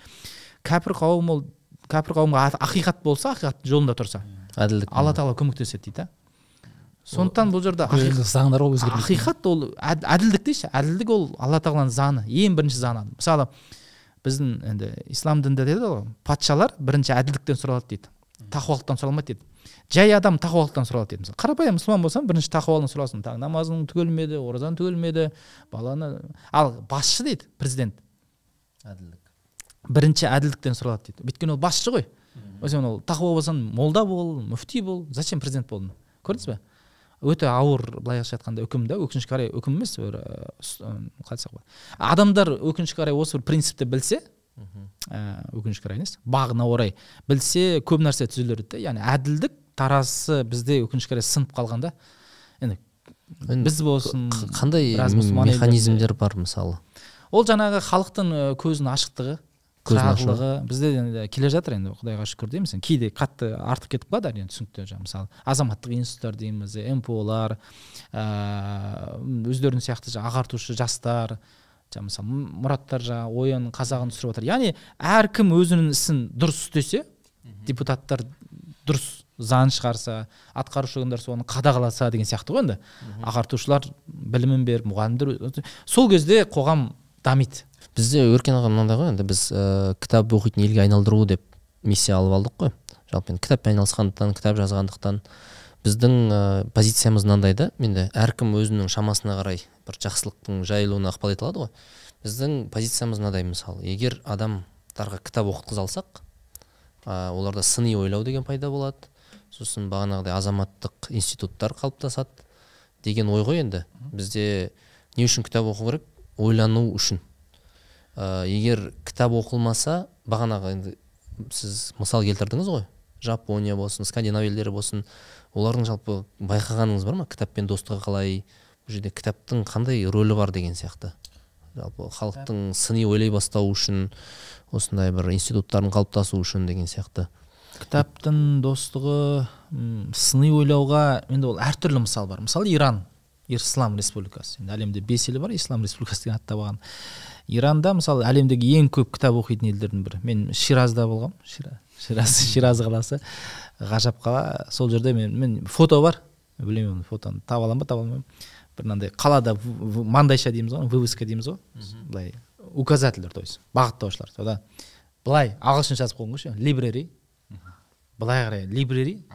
И былай қарай либрери. Короче үш бағытта да уже ол бір әдейі істеп қоймаған шығар енді. Үш бағытта кітапхана и жаңағы статистика қарасаңыздар иран әлемдегі ең көп кітап оқитын елдің бірі. Бірақ енді ол қаншалықты ол кітап оқу оның қазір енді экономикасына әсер етіп жатыр әлде бір сөз бостандығына әсер етіп жатыр оны мен, мен айта алмаймын то есть мысалы осындай да мысал бар да. Іштен көрдіңіз ғой бірақ? Иә, иә. халықтың тұрмысын көрдіңіз. А, бірақ өте менің сүйікті елдердің бірі негізі иран бір айтып отырмын саяхат ол. Ә, марк твен сөзі бар ғой путешествие губительно для предрассудков стереотипов и қандай еді абырой деген сөз бар. Ну қысқасы ә, стереотип бойынша иран ол нашар ел. Жоқ шын өмірде көрсең иранға мен екі рет бардым ғажап ел. Тағы да барамыз иншалла. Семьямен барғым келеді ана. Аралы бар ол жақта дубай сияқты ол жақта демалса болады дубайдың бергі беті ғой. Ә, айтайын дегенім ә, бәрібір кітап ағарту ісі ол ә, егер дұрыс қолданылса ә, қандай да бір елді жетістікке жеткізеді ол жаңағы финляндияны мысалы. Енді ол барлықтарыңыз білесіздер снелман қалай швед снелман ана бес миллион финляндияны көтерді десе әлде м, австрия германия менің сүйікті елдерімнің бірі. Жапония білмеймін қай қай дамыған елді алсаңыз да ол жердегі негізгі ә, сәттілік ә, бір кілтінің бірі жетістік құпиясының бірі ол әрине аға халықтың жоғары білім білім деңгейінде жатыр. Кітаппен достығында жатыр. Ол, ол анық. Кім дұрыс қолдана алса мысалы иран менің ойымша сол соншама кітап оқушылық кітап кітап оқушылар елін енді қатты қолдана алмай отыр деп ойлаймын. Бірақ олар билігі. соншама жыл санкцияға қарамастан соншама жылдық ә, бағанағы санкциялар қарамастан ғарышқа шықты ғой ұшты ма ұшқан жоқ па оқитын әдебиетіне бір машина шығарды бір нәрсе жасады ғой машина шығарды бірақ олар негізі француздың пежосын ана ескі лицензиясын сатып алған сол көлікті. Негізі шыны керек экономикасы енді әрине өздерін өздері қамтамасыз етеді жаңағы киімін өздері тігеді бірақ бір ә, менен де соны сұрай береді біз биыл ә, үндістан үндістан емес иран ә, мемлекетін шақырумен бардық. Иран ислам револю- ре- революциясының жаңағы елу жылдығының құрметіне парадқа қатыстық жаңағы бәрі жаңа деп. отыз миллион адам көшеге шықты. Ә, сол кезде де осы жердегі пиаршылықтар сұрайды қалай екен біздің ел? Енді ресеймен салыстырады ғой қырық жыл санкцияда отырмыз енді бола ма біздің жол дұрыс па дейді мен айтамын дұрыс емес деймін. Ренжімеңіздер енді сіздер ақшамызды төледіңіздер енді яков екеуміз барып қайттық. Бірақ рас шын айтайын ә, дұрыс емес. Өйткені ә, әлемнен бөліну өзі әлемде қазір әлемнен бөлініп отырған емес бес ақ ел бар. Ол венесуэла ол солтүстік корея куба иран Рес- ресей. Ну жүз тоқсан үш елдің ішінің арасында бес елдің бағыты дұрыс па сонда? Прям ақылды ма сонда? Әлде жүз тоқсан ел сонда ақымақ па сонда? Жалпы әлемге ашық болу анамен де дос болу мынамен де дос болу деген саясат сонда бұларды білесіздер ме өкінішке қарай? Тәкаппарлық бар. Мына иудей иудей жұртын құртқан бұрынғы ә, парсылардың ұрпағымыз иә иә иә иә. Ахеменидтердің ә, империясының ұрпағымыз ешелік парсы. Бұлардың кезіндегі шах пехлеви ә, е, пехлевиділерді құртқан осы жалған. Ә, Империализм жалған намыс деп айтамыз ғой жаңағы жалған империяшылдық енді қазіргі де құртып отырған сол империяшылдық қой. Қазіргі мына ә, шах шах емес ә, жаңағы аятолла режимінде құртып отырған осы жалған парсышылдық өйткені қалай?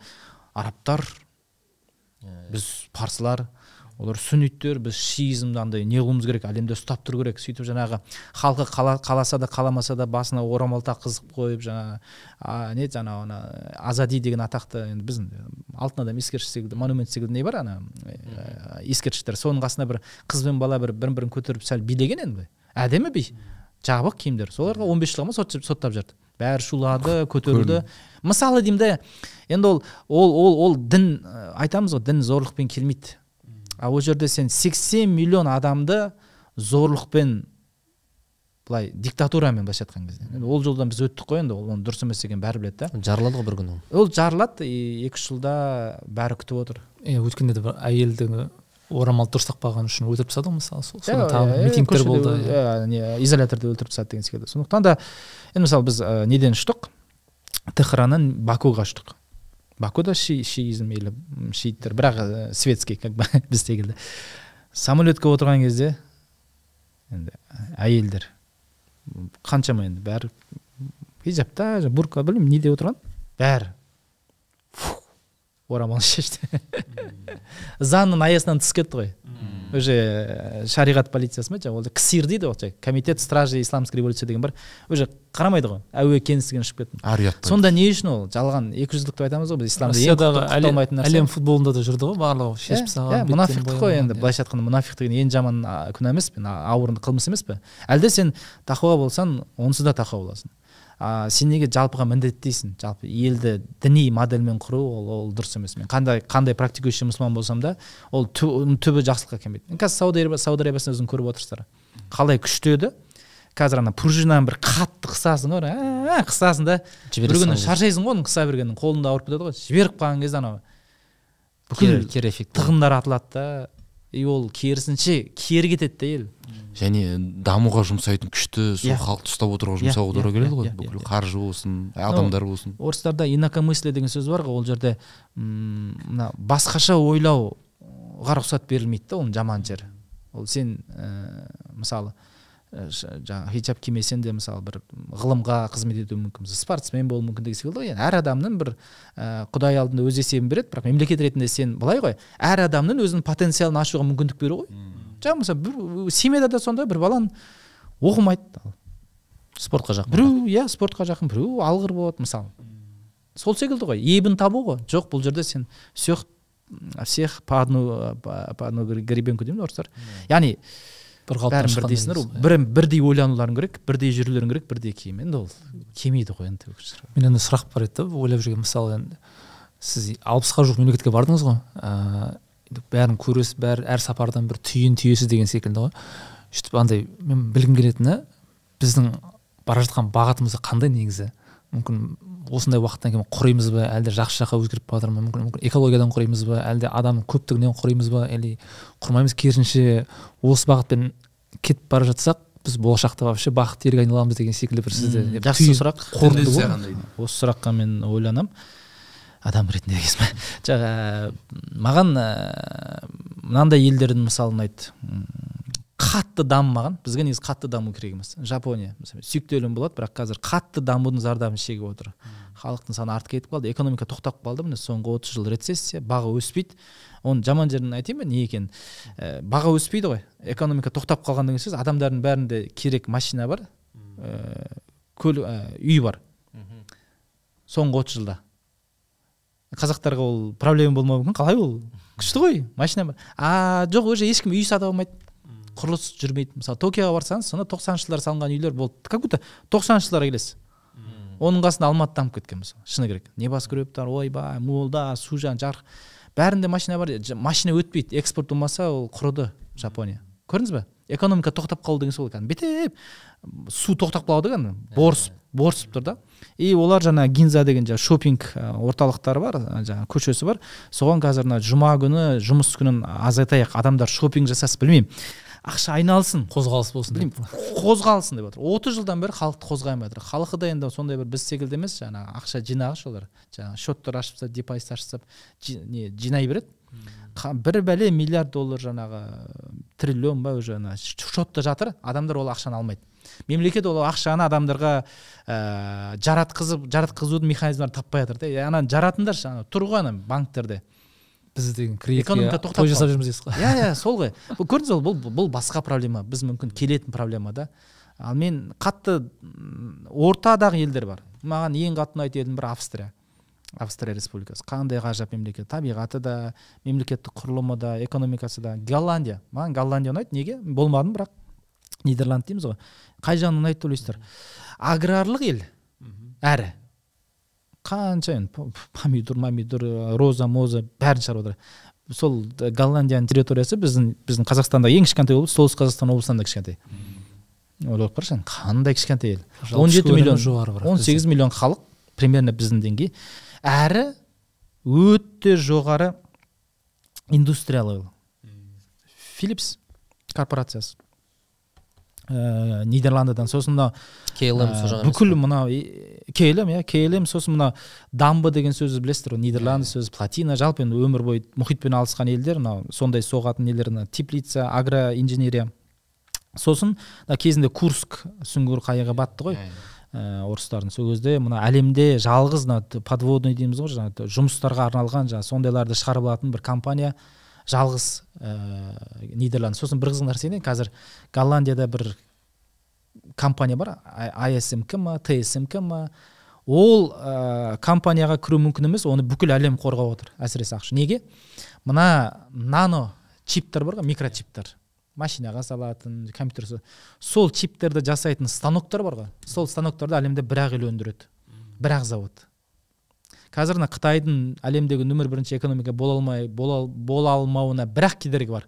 Сол станоктарды сол станоктарды алу сол станоктардың Копиясын жасай алмай копиясын жасай алмай өйткені ол заводты мына ақш пен еуропа прям кәдімгі қалай айтсақ меккесіндей қорғап отыр да. Ана ана ана заводтың ішіне кіріп құпиясын білсе бітті уже бітті. Онда еуропада ақш та өзінің лидерлігін айналады. А ана тайванда ғой бүкіл чип жасайтын. Сол станоктар барлығы голландиядан келеді. Тайвань енді түсінікті американың былайша колониясы ғой почти что.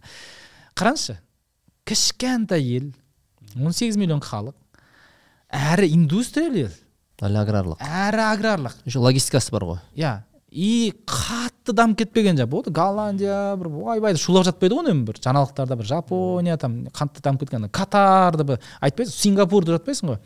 И дамымаған деп бір орта жол ұстанады да. Умеренный. Бір гепард болған кезде ғана естиміз иә нидерландның иә, атын ол кезде иә енді ол төмен жағы. Олар сол үшін голландия деген атты брендинг жасады ғой. Өйткені голландия деген ат кішкене бәрі андай. Жаман негативті мағына болып кетті. Травка иә гей-парад жоқ мына нидерланд болып кетті. Австрия. Тура сондай. Ровный. Әдемі дамып келе жатыр асықпайды. Кайфовать етеді. Біз даже мен австрияда жүріп мына өмірден ә, ләззат алу деген кейде сол елді үйрену деп айтсам болады. Мысалы австрияда грац деген қалада болады шварценеггер туған ә, қала қасында тұрған хотя ол ауылда. Бақтияр деген кісімен бірге жүрміз. Бір кезде бір кофе алғам. Орталығы ратуша тұр ш- қоңырау шырылдап жатыр адамдар жүр күн әдемі болып тұр. Бір кофе ішіп отыр бір кезде сағат қарасам сол жерде үш сағат отырыппын ғой мен. Мына алматыда мен бір жерде? Сен ойлап қара сен бір жерде үш сағат отырмайсың ғой бүйтіп уақыттың несін ұмытып кеткенмін ғой? Шегін ұмытып кеткенмін. И жаңа енді өтірік айтпай ақ қояйын. Бақтияр өсербекұлы деген кісі бар. Ментор қазір коуч бизнесмен мықты кісі. Сол кісімен бірге жүргенбіз. Енді өзінің сөзі.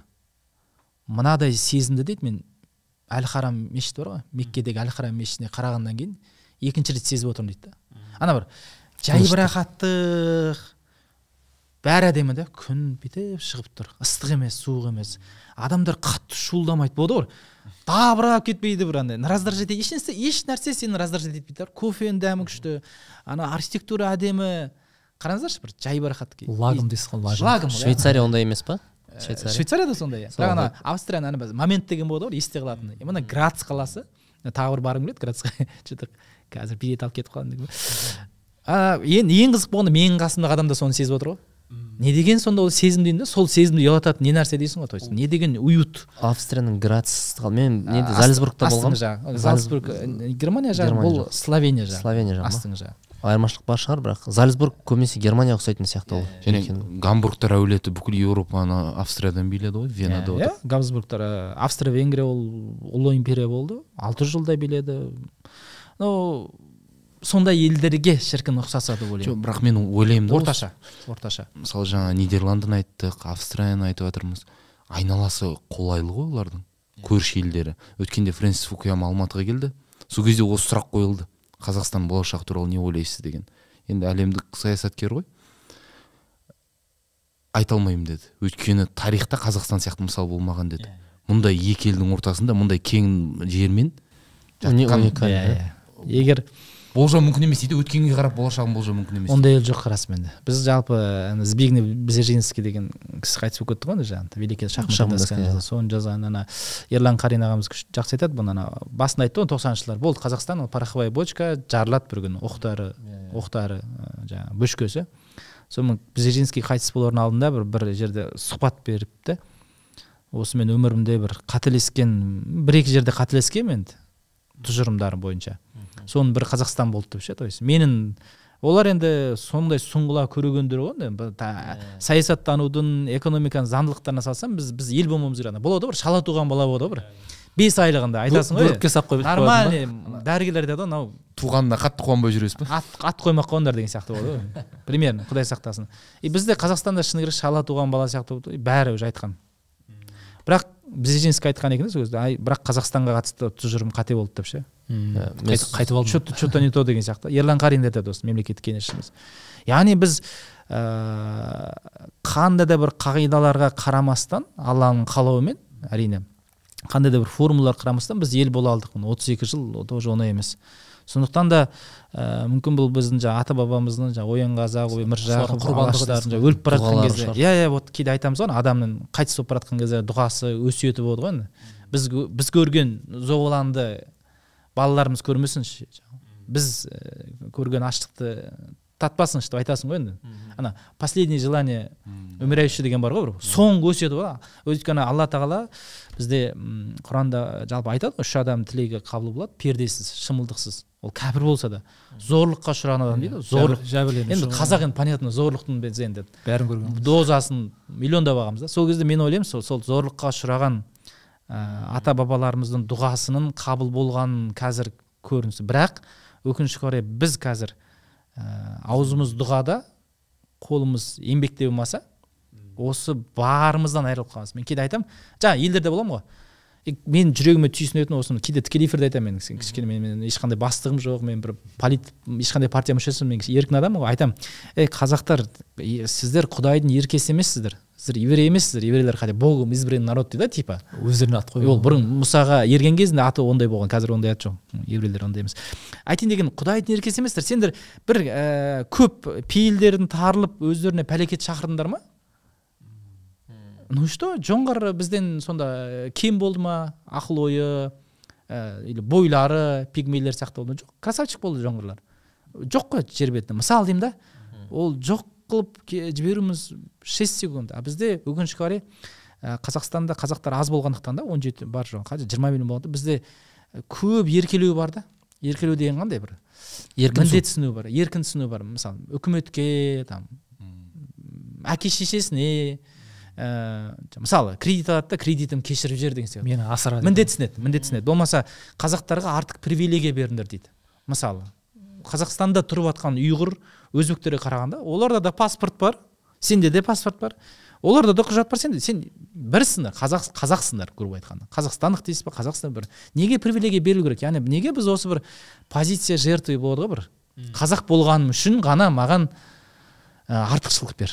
Ну и что сен қазақсың ба өзінің атасы құрбан ба? болғандай не қылады дейсіз ғой. нендей сенде артықшылық бар құдай саған артықшылық берсе демек ол құдайдың заңдылығы бұзылды деген сөз. Онда біз еврейлерді ұлықтайық та соларға құл болайық. Ақыры олар артық жаратылған ұлт екен. Неге сен артық жаратылғанын санайсың? Мысалы да то есть айтайын деп отырғаным яғни осындай ойды біз балаларымыздың ойынан алып тастау керек жарайды ол аға ұрпақ үлкен ұрпақ енді ол. Иә, жүре берсін ой сен адамсың ерке емессің егер сен жұмыс істесең нәтижелі ә, нәтижең болады. Берекеті под вопросом но жақсы әрекет етсең нәтижесі болады. Мысалы күшті бокс боксер болсаң сен ана боксшыға қарағанда бір сағат артықтағы ә, залда жүрсең міндетті түрде сен оған қарағанда бір екі минутқа дыхалқан артығырақ болады деген секілді ғой яғни. Осы бір қарапайым былайша айтқанда бір мектеп оқушыларына осыны түсіндіре алсақ шіркін ай. Ә, осыны осы ақ қана. осы осы өркен аға осының бір себебін табайықшы. Мен байқаймын өзге ұлт өкілдерімен салыстырғанда бізде бағана еркін сөз деп жатырмыз ғой. Ә, бір артынан біреу тіреп тұрғандай сезім болады да мысалы бағанадай. Ә, болашағын ойламайды. Бір андай соқыр тәуекел бар да бізде. Мысалы ата анам шешіп береді немесе мемлекет жасап береді біреуге әйтеуір бір иығыңды беріп тұрған сияқты сезім бар да бізде. А басқа ұлт өкілдеріне қарасаң олар кәдімгідей анау несін жағдайын жасайды тіреп тұрған ешкім жоқ сияқты бір болады ғой. Қазақстандағы өзге ұлт емес жалпы басқа елдерге қарасақ қамын жасайды да қыстың қамын жасайды мысалы үшін. Бар да бір дайындық жасау.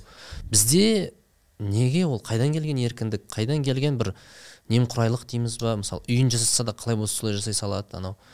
Ыыы қалай? Жұмыс иә мысалы бар ғой сондай сезім. Шарбағы қисайып па? түсіндіре алмай тұрмын бір сондай бізде бар иә. жақсысың ол жаңағы Қайдан кеңестік патернализм деп айтамыз. Бірақ менің ойымша ол ескірді патернализм жаңағы. Мемлекет бәрін жасап береді мемлекет жаңа жұмысты жұмысын жоқ болса жұмыс тауып береді деген болды ғой совет заманында сондай болды ғой. Бірақ одан бері де ұрпақ ауыстық енді неге ол қал- қалды біздің сүйегімізде? Иә ғой. соны айтамын. Ә, бұл жерде шынымды айтсам осыған жауабым жоқ. бірақ жеке адам ретінде айтатын болсам мен айтып қалдым ғой бағана шварценеггер деп арнольд шварценеггер деген кісі. Ә, соның бір керемет мотивациялық сөзі бар да план б ешқашан болмау керек деген. Мысалы мен мен өзім осы сөзді айтқан кезде естіген кезде мен мә мынау маған тура маған айтылғанда білесіздер ма не үшін? Мен мысалы үйде жалғыз баламын. Ә, таразда төрт бөлмелі үйіміз тұр. Мен алматыға келдім. 2009 жылы. Содан журналистикаға келген кезде анау қиналып жүресің ғой басында жаңағы сен енді жаратпайды бетіне лақтырады қысылып шимай алып тастайды. мына жақта ботинкенің ауы жыртылып жүр там басы жыртылып жүр. Білмеймін енді айлығын сексен мың теңге деген секілді жаңағы. Не сол істеп кезде жүрміз? план б менде үнемі жүретін. Если что таразға қайтып кетемін. Төрт бөлмелі квартира бар. Өзім бөлмем дайын тұр өзім төсегім дайын тұр ана жерде компьютерім бар мфс ойнаймын деген секілді өлдім дегенде тамақ бар. Мамам бар е мое мамам мантра жасап қарашы план б осыдан мен бір шыны керек бір үш төрт жыл бұрын ғана арылдым сол план б дегеннен. Даже ал астанаға барған кезде хабарда ойбай мынандай журналист болып жүрген кезде мен үндемей план б болдым. Егер болмай жатса ауылға И бәрімізде ол план б бәрімізде бар да бар қазақта бар да өкінішке қарай. Бізде ол жақсы әрине ауылда болғаны там ауылдың болғаны. Дамытпайды ғой бізді. Иә иә иә. Ал жаңағы шварценеггердің айтатыны сол ғой. Бәрін алып таста дейді. План сенде план а дейді. Әлде сен мынаған жетесің әлде жетпейсің. Өлдім тілдім әрине ол түсінікті ол. Түйе сұрасаң береді деген секілді ғой. Оған анаған жетпеген өзі мынаған жеткен өзі үлкен жетістік қой енді оларға. Мысалы деймін да. Мысалы жаңағы шварценеггердің арманы президент болу ғой. Ойлап қарашы американың президенті болу деген. Ұялмайсың ба деп айтасың ғой. Сен культурист кеше ғана қуат хамид президент болған деп айтса. Бізде қазақстанда айтар еді де ей қуат орынды біз жоқ ол арман сондай да не істейсің арман президент болу бірақ ол президент бола алған жоқ әлі бірақ губернатор болды да. Жаңағы түйе сұрасаң береді деген сол ғой. Бұл анау не сияқты ғой иә мысалы бір адам отыр да мен қазір тұруға тырысамын деген сияқты. Болмайды ғой сен тұрасың немесе отырып қаласың екі екі ақ вариант қой. Бұл енді бұны қалай қалыптастырамыз? Мынау ағылшын білмей келеді ғой қате- қателеспесем Аме- америкаға бірінші алғашқы екі жыл акцентмен жұмыс жасайды. Мен ана нені сұрайыншы деймін жаңа сіздің сұрағыңызға қосалқы ана неміс әскері францияны жаулап алады ғой ең алғашқы болып. Сол кезде ұлыбритания жерінде француз легионы құрыла бастайды. Ана жаулағанына қарсы бөлек шығып соғысамын дейтін. Яғни үкімет берілсе де біз берілмейміз деп. Бірақ сол легионның ә, бір бөлігін францияда тұратын бірақ ұлты француз емес адамдар ә, құрайды да. Яғни белгілі бір бөлігін. Бірақ мемлекет жеңілсе де негізі күрес күреспесе де болатын еді халықпен бірге басын сұқса да. Бірақ французды азат етеміз деп ә, дегольдің қол астында бөлініп шығады да. Яғни ана мемлекеттік идея үшін осы мемлекет үшін түрлі ұлттар бірігеді. Ал бізде кеше мысалы тағы ғана неміс елшілігінің алдында тұрсам ә, неміс ұлтының азаматтары көшіп жатыр екен да. Сосын ба енді кезек күтіп тұрғанда жалпы не үшін көшіп жатырсыздар? Жалпы қазақстанда неміс болу қалай екен деймін да. Соны айтсам ә, бізде бәрібір ке- кемсіту бар дейді да. Мына қалалық жерлерде кемсіту бар ә, мысалы қоғамдық орындарда жақтырмай қарау бар деген секілді. Қазақтар тарапынан ба? Иә иә жалпы басқаша қарайды дейді яғни бірақ менің әкем осында туған анам немістерді кемсітсе енді ол қайда мен басқаларын айтпай ақ қойғанда жоқ жалпы сондай бір көзқарас бар дейді енді түрлі адам бар иә ғой иә. Сонда ал бізде мынандай нәрсе бар. Қазақстанның болашағы тек этникалық қазақтардың мойнында деген сияқты бір түсінік қалыптасқан да. Бірақ керісінше мысалы бүкіл европаны қарасақ бүкіл ұлт бір ел үшін бірігіп жұмыс істеу керек та. Сол сол идеяны қалай таратсақ болады? Бізде мысалы бір нәрсеге қарсы шықса да тек қазақтар бір кетте басқа ұлттар ә, қатысы жоқ секілді қылып айналып өтетін бір мәселелер болады да бірақ ә, бұл елдің тағдыры бүкіл ұлттың мойнында бірдей жатқанын қалай жеткізеді жалпы? А- ағартуды ойлаймын. Идеологиямызда бағанағы сананы тұрмыс билейді деген тематика емес па? Ол да бар. Енді оған ә, біз айтады біз аш емеспіз аш көзбіз деген тема бар еді ғой. Аха онда оказывается онда біз мақтанбауымыз керек. Онда біз бұдан бұдан әрі мақтанбауымыз керек. Қазақ қонақжай қазақ дархан құдай ау қазақ батырлардың ұрпағы құдай қандай мақтауларымыз бар еді. Онда біз жай бангладеш және эфиопия сананы тұрмыс билейді десек бірақ олай ол осы мен осы идеологияға мен қарсымын. Неге айтасыз? Өйткені қаңтар оқиғасында да мысалы мародерларды ақтап алды да. Енді қайтсын енді. Өліп бара жатыр ғой енді памперс алсын байлардың ол олигархтардың дүкені. Банктер деген секілді егер осы бір анархиялық ойға біз ерік жол беретін болсақ жарайды жеңілдік. Онда біз мемлекет болмаймыз. Онда біз ливия қазір сондай. Каддафи кеткеннен кейін тайпа тайпа. Әлі президент жоқ. Иә. Көшпенділер өзінің партизандарын құрбан уақытша қызыл әскер кезіндегі колчак кезіндегі біздің жаңағы міржақып фильмде көрсетеді ғой жаңағы кәдімгі әркім өзін қорғайды. Әркім әркіммен соғысады. Кәдімгі тобыр тобырлық баяғы алғашқы қауымдық құрылыс деген секілді тобырлық мәдениет дейміз онда ондай жолды таңдасақ проблема жоқ. Пожалуйста ондай жолды таңдайық. Может референдум өткізіп мемлекет дегенді алып тастап заңдарды парламенттерді таратып ә, руслан бердіевтер қайтадан бизнеске келіп алғашқы тобырлық қауымға келейік. Бірақ ә, бұл жерде қаңтар оқиғасы деп жатырмыз ғой. Бұл жерде ә, бірақ халықтың көбі үйде отырып бір сөздер айтылды ғой. Мысалы үйде отырып ә, мысалы бәрі шығып кетпеген ғой. Бұл бұл бұл қатты ұласып кетпеуіне де бір ә, үлесін қосқан сияқты Иә, ғой. айтып отырмын біздің халық жақсы жалпы ондай емес қой негізі әрине бірақ әрине әрине. ана жерде бір сондай бір нелер қаймақтар емес анти, қаймақтар шығып кетті да бір ол ана кейде ана адам өлтіруді бізде қазір ақтап жатыр ғой. Мысалы өткенде баласын лақтырып жіберді ана бір әйел ше. Ә, тағы қандай оқиғалар болады ғой бір мысалы жаңағы өткенде полицияны келіп өзі қашып бара жатыр полицияны келіп мыжып кетті да ана қашып бара жатыр. Ше әдейі соғып өлтіріп жатыр да соны. Астында комментарийлерді қарасам просто мен содан шошимын. Ә, астында жүз пайыз сол ғой қайтсын енді. Өліп бара жатқанша ну и что? Ақтап алу өлтірсін деген сияқты ақтап алған адам өлтіруді ақтап жатыр да. Подмена понятий дейді ғой сондай иә иә иә ғой. иә иә. Ол уже ол уже ол уже сау қоғамның белгілері емес ол уже аурудың белгілері. Онымен тезірек жұмыс жасамаса идеологиялық тұрғыда үкімет билік ол бізде құрдымға апарады. осы идеология мойындау керек иде, ешқандай идеология жоқ қой енді. Көрінбейді. Болмағанда ғой. Мысалы жүз мысалы сіз қандай идеология сіз түрлі елдердің идеологияларын білесіз ғой. Менде осы нәрсеге бір ойланамын да кейде. Бағанағыдай жеке адамдікі ол миссия болуы мүмкін. Яғни компаниянікі миссия болу керек. Не үшін яғни қазақ халқы жер бетінде не үшін өмір сүріп жатыр деген сұрақтың жауабын сіз қалай таптыңыз? Сіз бәрі де сіздің жауабыңыз болу керек деп ойлаймын. Өйткені қаншама ел көрдіңіз да бізге шамамен қандай идеология керек деген сияқты бір бір нұсқаңыз. қиын сұрақ. Даже жауап бере алмайтын шығармын. Біздің мысалдарды еске алып. енді біздің исламда айтылады ғой адамның жүрегінде ашу тұрса махаббатқа орын жоқ дейді да. Мынау жүрегінде өкпе бір а негатив жаңағы орыстар біз жаулап үш жүз жыл құл болдық деген сияқты бізде тұр ғой әр қазақ кеше оян қазақ фильмінен кейін қазақтардың жылап жатқанда сол ғой, біздің жылауымыз шықпаған да анау болады ғой бір. Эмоциясы шықпаған. аха аха эмоциясы шықпаған. Жаңағы детский травма деген секілді емделмеген проработка жасалынбаған жаңағы ұлт ретінде иә? Иә сеанстардан өтпеген медитациядан өтпеген. Терапиядан өтпеген. бүйтіп булығып тұр да әр қазақ ол булығып тұр сыртынан білінбейді іші, іші түтіндеген секілді. Ондай жағдайда сенде бір басқа ойға орын жоқ та? Сенде тек ашу ыза кек ә, және соны жайлап будақтатып бір жайлап жайлап шығарудың да жолын бізде ә, таппады ғой енді шыны керек мысалы. Ұлт, ұлт бізде ә, ұлтшылдықты дұрыс дамытуға орын бермеді. Діншілдіктің өзін дұрыс дамытуға бермеді. Жаңағы бағынбай қалады деген секілді ой болды идеологтарда мысалы. Енді мысалы кореяның мысалын айтайық мен сүйікті елім деп айта алмаймын бірақ енді кореяда болған кезде олар жапонияның астында 33 жыл ғана болған. Колония болған 33 ақ жыл. Жарайды 35 жыл. Бірақ олар андай бір айтады да бір как будто жапондар келіп бір тегі бір үш жүз жыл зорлаған секілді айтады да бір. Енді бір намысшыл халық қой. Енді содан мен кореяға ең бірінші барған кезде ә, сеулде алпыс тоғыз деген бір здание бар. Соған бардым. Биік жерден а, көретін панорама көретін сосын енді тарихтан қарай салсам бұл не здание екен? Обычный коммерческий центр бизнес центр. Соның ашылуына сексен бесінші жылы и сол елдің президенті келген кореяның президенті келген үлкен той жасаған. Не үшін деп ойлайсыздар? Логикалық сұрақ. алпыс тоғыз болса алпыс тоғызыншы жылы бірдеңе болып тұр ғой. Ол ғимараттың биіктігін бір бәлесі айтады соотношениесі. Жапониядағы сол кездегі токиодағы ең биік ғимараттан ол бір метр жоғары болған да соны бүкіл ел болып тойлаған президент келіп тұсау наконец то ана отаршылардан бір метр артық соғылды бірақ айтайын деп отырған ана д- д- жүрегіндегі өшпенділікті олар неге бұралған? Іске ма конкуренция. Бәсеке. Біз оларға дәлелдейміз. Вот жапонияның телевизоры екі сантиметр ма? Біз бір сантиметр аламыз.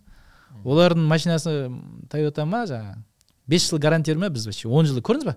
Қандай ә, жақсы сол намысқой өзі өйткені ашу да энергия ғой. Э, жаңағы бар ғой қатты ашуланған кезде ана бір стакан не қайнау қайнату болады дейді ма? қыртынбай өтірік факті бар ғой білу, білу керек емес фактілер бар ғой жаңағы әйелдер ашуланса жаңағы бір сағат сөйлесе сол бір стакан қайнайды екен жүз градус мысалы да енді жаңағы тоқ қосып қойса.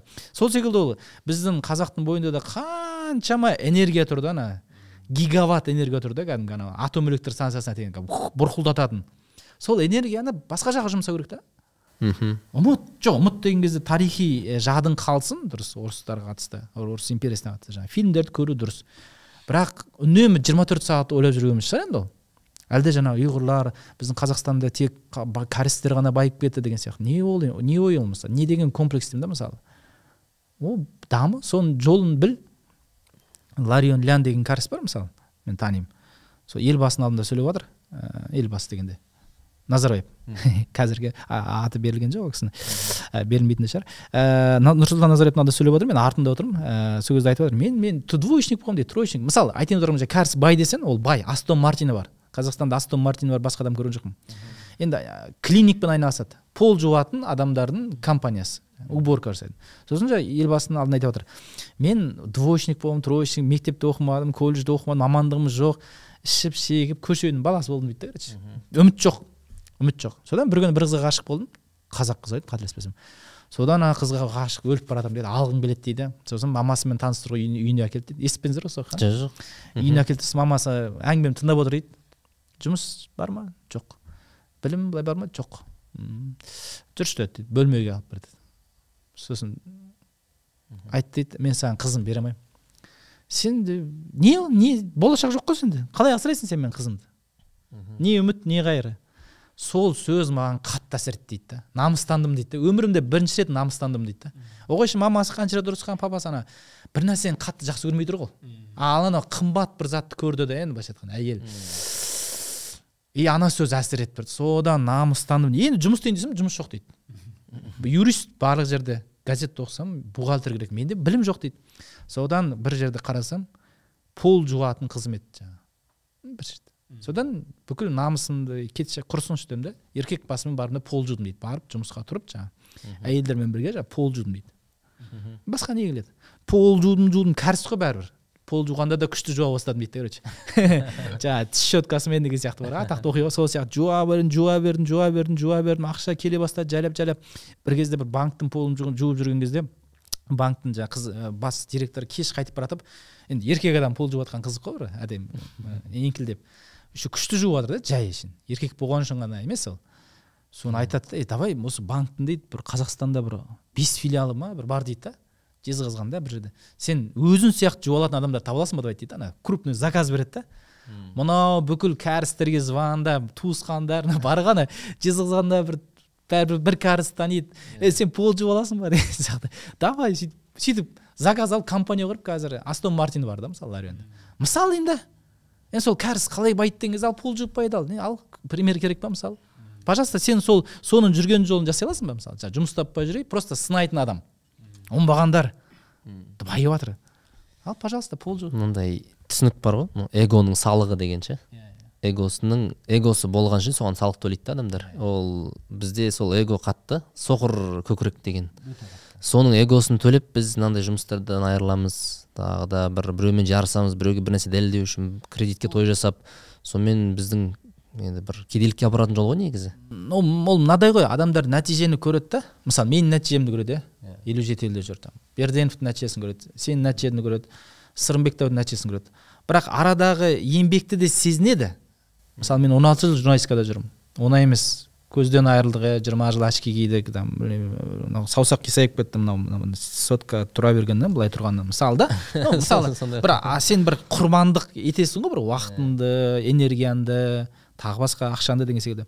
Осы бір жұмысты жасауға нәтиже тұр мына жерде көріп тұрсың жұмысты. Жасауға ынталанбайды ғой. Бірден мына- жерде а а адан зу бұл жерге секіріп барғысы келеді нәтижеге. Дәл осыған қатысты бір ғибратты оқиға бар ғой. Бір патша таққа отырды дейді да. Оның алдындағы басқа туысқандардың бәрін тақтан құлағанын көріп жатыр ғой. Өзі де құдай білді өлтіріп отыр- отыр- отырып жатқан шығар таққа. Сөйтіп елдегі бір данышпан кісіден сұрады дейді да шақырып алып. Шақырып емес ана жасауыл жіберген да. Мен мына тақты қалай сақтап қаламын қайтсе мемлекет құлайды дейді да. Қандай жағдайда мемлекет құлайды деп сұрап жүреді. Сөйтсе анау жасауыл қайтып келеді да бардым сөйтсем осы сіздің неңізді жеткізбедім десе «Е, ода, ода мен не шаруам бар? деп қайтарып жіберді дейді да. «Е, бұл түсінбейді сосын болмаған соң қайтып өзі барды алдына дейді да. Жасауыл жібердім ода мен не шаруам бар? деп қайтарып жіберіпсің менің сұрағыма дейді да. Түсінбедім десе әр адам мемлекеттегі дейді да осындай ойда болса мемлекет бірден құлайды дейді да. Е мысалы мына жақта бір бір бала мысалы қыз туалетте босанып жатыр десе одан не шаруам бар? десең бітті ғой одан да көбейеді қатары деген секілді. Осы нәрсе пайда болу керек әр адамда дейді да. Ұят па ар ұждан ба жаңағы? Одан мен не шаруам бар деген нәрсе болмау керек деп. кімнің сөзі бар ғой томас ман деген философтың. Бүкіл трагедияның бастауы ол немқұрайдылық деген ше? Немқұрайдылық деген бар ғой. Менісі емес. А біз бұрын қазақ қоғамы қай кезде күшті болған еді? Керісінше немқұрайды болмаған кезде мысалы. Сен жаңағы ауылда тентекті тезге салып жаңағы айтамыз ғой ойбай түрме болмаған жетімдер үй болмаған ал мысалы егер немқұрайлы болса мысалы өліп қалды бір баласы. Анау жесір кетті келіні. Үш баласын шұбыртып біреуге. Немқұрайлысың ей кетсе кетсін. Жеке өзінің басын бостандығы ғой. Деген ай- айтсаң мысалы. Қайда қалды ол мысалы? Или жаңағы ә, бір күшті ұларбек нұрғалымұлы деген ағамыз бар ғой сол кісінің айтатын бар қытайда жаңағы бір керейлер соның арасында бір жалқау біреу енді. Шаршап кеткен ғой әрбір жұмыста соны айтты мен бүгіннен бастап қайыршы боламын деген ғой енді. Шаршап кеттім деген ғой. Содан ауылдың жігіттері келіп жаңағы керейдің ба ақсақалдары ұрып ананы. Енді былай тезге нормально ұрып ше нормально ұрып керейден жаңағы қайыршы шықпауы тиіс. Қуасың ба? Мә саған міне он ешкі жаңағы он қой осыны бақты осыны сүт. Сөйтіп жаңағы тә- тәртіпке салдық салған дейді да мысалы. Қарашы қандай немқұрайлы болса айтасың ғой өзінің мысалы мысалы америкада бар ғой бомж болу ол адамның өзінің таңдауы. Мысалы кейде адамдар болады жұмыстан шаршап кетеді алимент. Сосын айтады мен бомж боламын дейді. Нормально мемлекет мадридте болсаңыздар ә, бас көшесінде гранд вилла ма ұмытып қалдым. Ана әдемі де қызығып кетесің кейде бомждарға ше? Өйткені не? Мемлекет андай күніге пастельдерін ауыстырып не не жасап береді? Матрасын бар ғой. Сосын үстіндегі көрпелер бар ғой. Кәдімгі күніге стиркадан шығарып аппақ хлорланған көрпе үстіне жауып береді. Өйткені ол ана мадридтің бас турист көшесі да ана. Даже ана суретке түсірген кезде енді біз секілді блогерлер келіп түсірген кезде ана бомждар әдемі жату керек та. Кәдімгі гостиницаның ә, көрпе жайлығын ауыстырады ғой тура сондай. Сонда бомж болу сенің таңдауың дейді. Ал егер біз бізде де сондай түсінік болған кезде онда пожалуйста керейден қайыр шықса пожалуйста сенің таңдауың кетемін дейсің ба сенің таңдауың ә, қыз жаңағы мини юбка киемін дейсің мысалы енді сенің таңдауыңды жүрсек онда біз ел болмас едік қой енді. Біз біз біз болған ел қазақ. Енді мақтанамыз ғой ойбай деген кезде. Мақтанышымыз сол немқұрайлы болмауымыздан еді ғой по идее.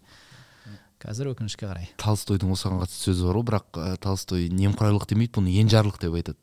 Яғни шеткі үй құласа ортаңғы үй шеткі болады дейді. Иә иә масқара айтқаны сол бір ауыз сөзімен.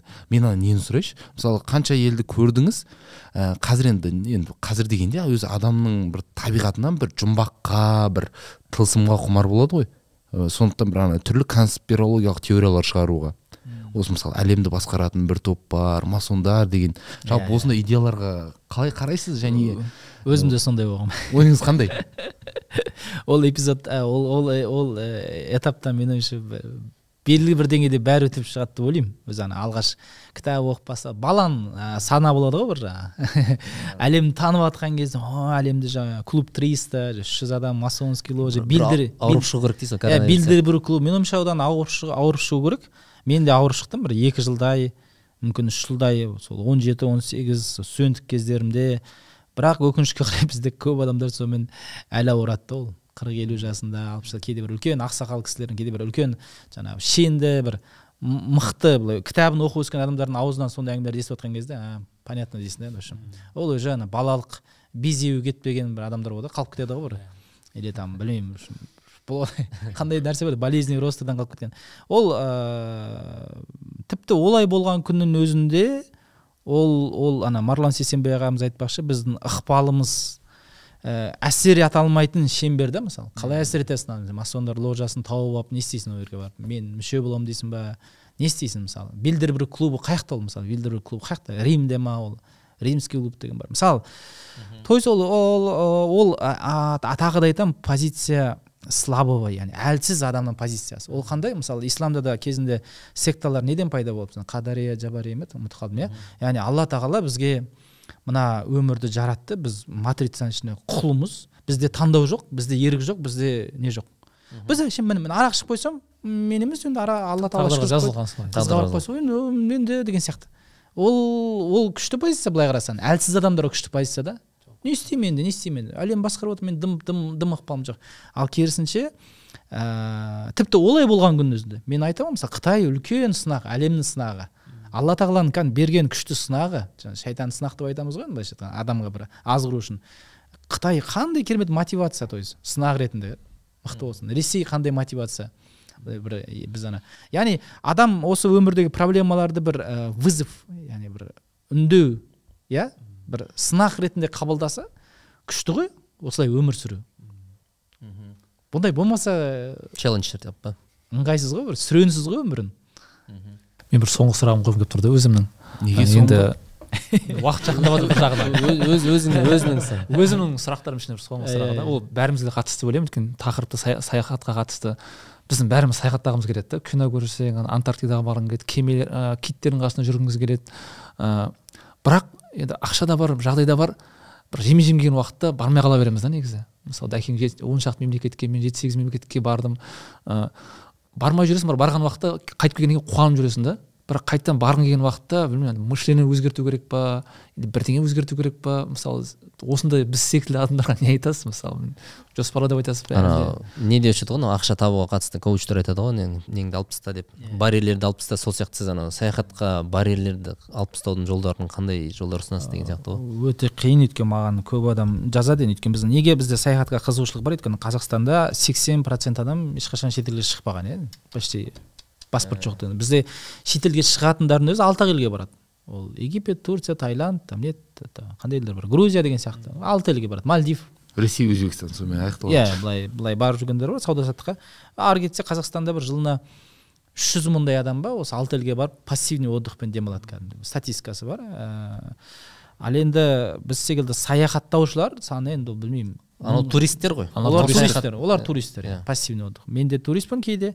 Ә, ал саяхатшылық ары кетсе қазақстанда білмеймін енді мың адам бар ма жоқ па білмеймін. Аз ба көп па білмедім. Ал енді мысалы мен биыл он айда 16 елде болдым да. Ә, иншалла жылдың соңына шейін жиырма ел болады ол. Міне алла қаласа жапония одан кейін панама колумбияны жоспарлап отырмыз. Одан кейін жаңа жылға қарай алла қаласа таиландқа и таиланд мен алпысыншы елім болады жылнамамдағы он үш жылда. Мәселе ол жерде мақтану не мақсат емес. Ә, менің ойымша мынандай адам бір нәрсені приоритетке қойса болады ғой. Сондай мүмкіндіктер көз алдынан ұсыныстар келе береді. Менде қазір сондай мәселе. Мен қазір шыны керек саяхатымды азайта алмай жатырмын. Бір жылда төрт шығу яғни үш айда бір рет бөліссеңші иә иә иә. азайта алмай жатырмын. Неге? Өйткені ұсыныс өте көп. Мысалы міне қазір ә, жапониядан келгеніме одан колумбияның арасында бір ай там міне бесінші қарашада келсем бесінші декабрьдің арасында ровно бір ай қазақстандамын. Осы аралықта тағы үш ұсыныс келіп жатыр да мен өз бір ақ айым бар қазақстанда.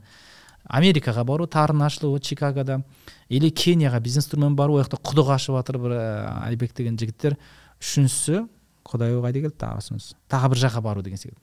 Мен айтамын үшеуінен де пока бас тартып отырмын. айттым, жоспарымда жоқ күшті конечно мына мен семьямен болайын деген секілді қараңыздаршы бұны айтайын деп отырған адам осы жолға өзін арнаса приоритет қойса және екінші мақсат мен бәрібір бұны бір саяхаттан да саяхат деп жүр ғой контент жасап жатырмық қой. Осы саяхат жайлы мен соңғы бір әртүрлі посттармен видеолармен міне бангладеште сториске салып жатырық иә рилс салып жатырық.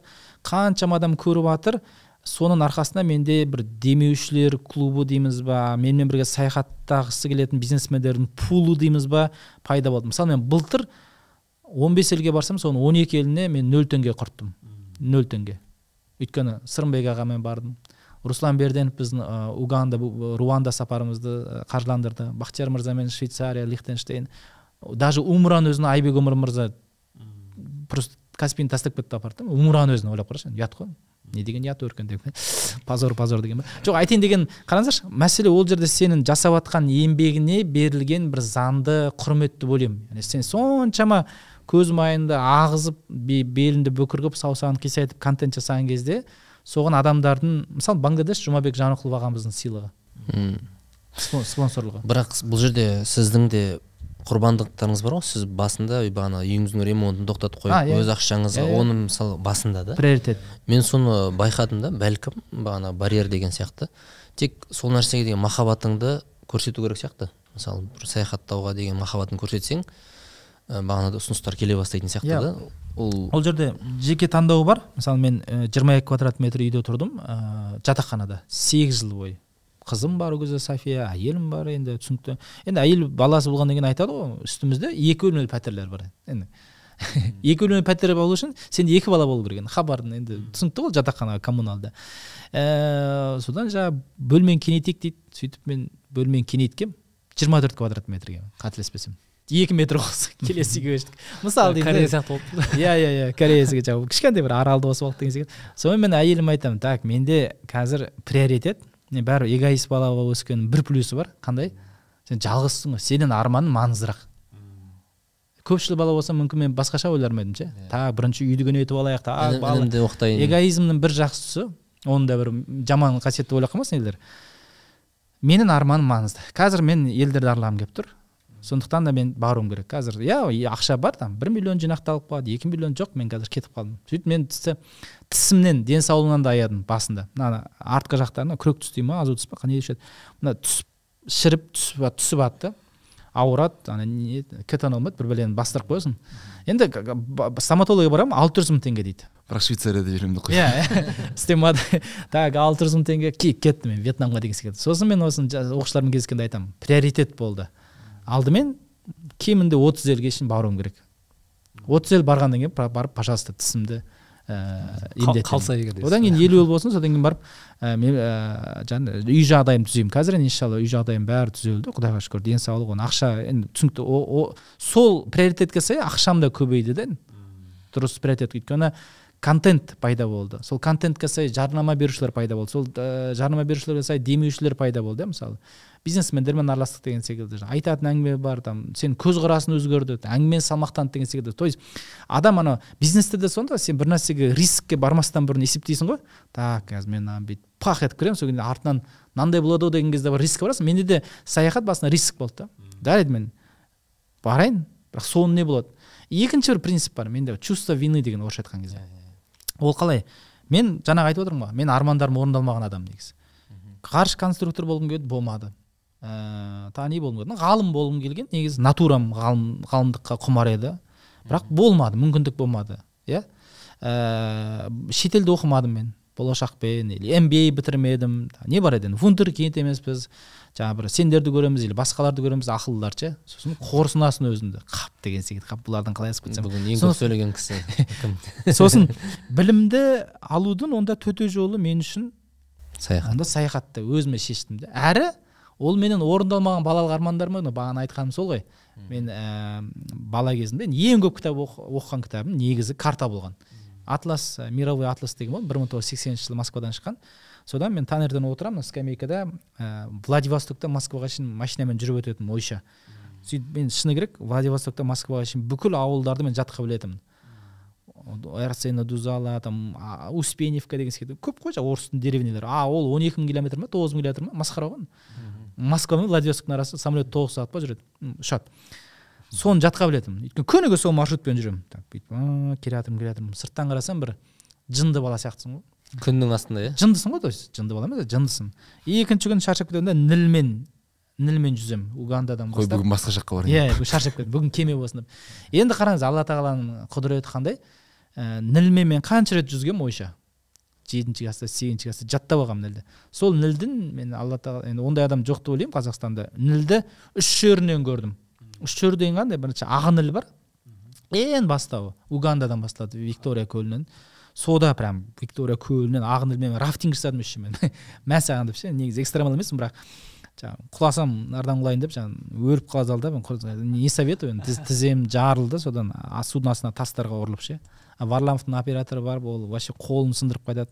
Енді өте опасный жер. Әлемдегі ең опасный ә, қауіпті рафтинг сол жер нілде ақ нілде. И одан кейін көк нөлде болдым. Ол эфиопия тана көлінен басталады. Прям бегемоттар мыңғырып жүреді сол жерден барып ақ ніл мен көк ніл қосылып ол кәдімгі ніл болады да суданда. Енді суданда әлі болған жоқпын прям түйіскен жерінде. Енді иншалла болатын шығармыз. Одан кейін мысырда кәдімгі ніл болып ағады. Сол мысырда енді түсінікті ол каирде жаңағы кәдімгі нілді көресің. Яғни бала кездегі әбден жаттаған маршрутты енді өмірде көресің да «М, молодец деген сияқты. Сонда алла тағалаға мен өзім шексіз шүкірлік айтамын және өзімді өткен бір подкастта айтамын бақытты адаммын неге мен? Өйткені бала кездегі ойындарды мысалы сіз атыспақ ойнадыңыз да бала кезде. Сосын алла тағала сізге бір қырық жасыңда атыспақ ойнап жүрсеңіз біртүрлі ғой? Соғысқа жүріп иә или жауынгер болсаңыз. А менде сол ойнаған ойындарды мен өмірде қайтадан ойнап отырмын да.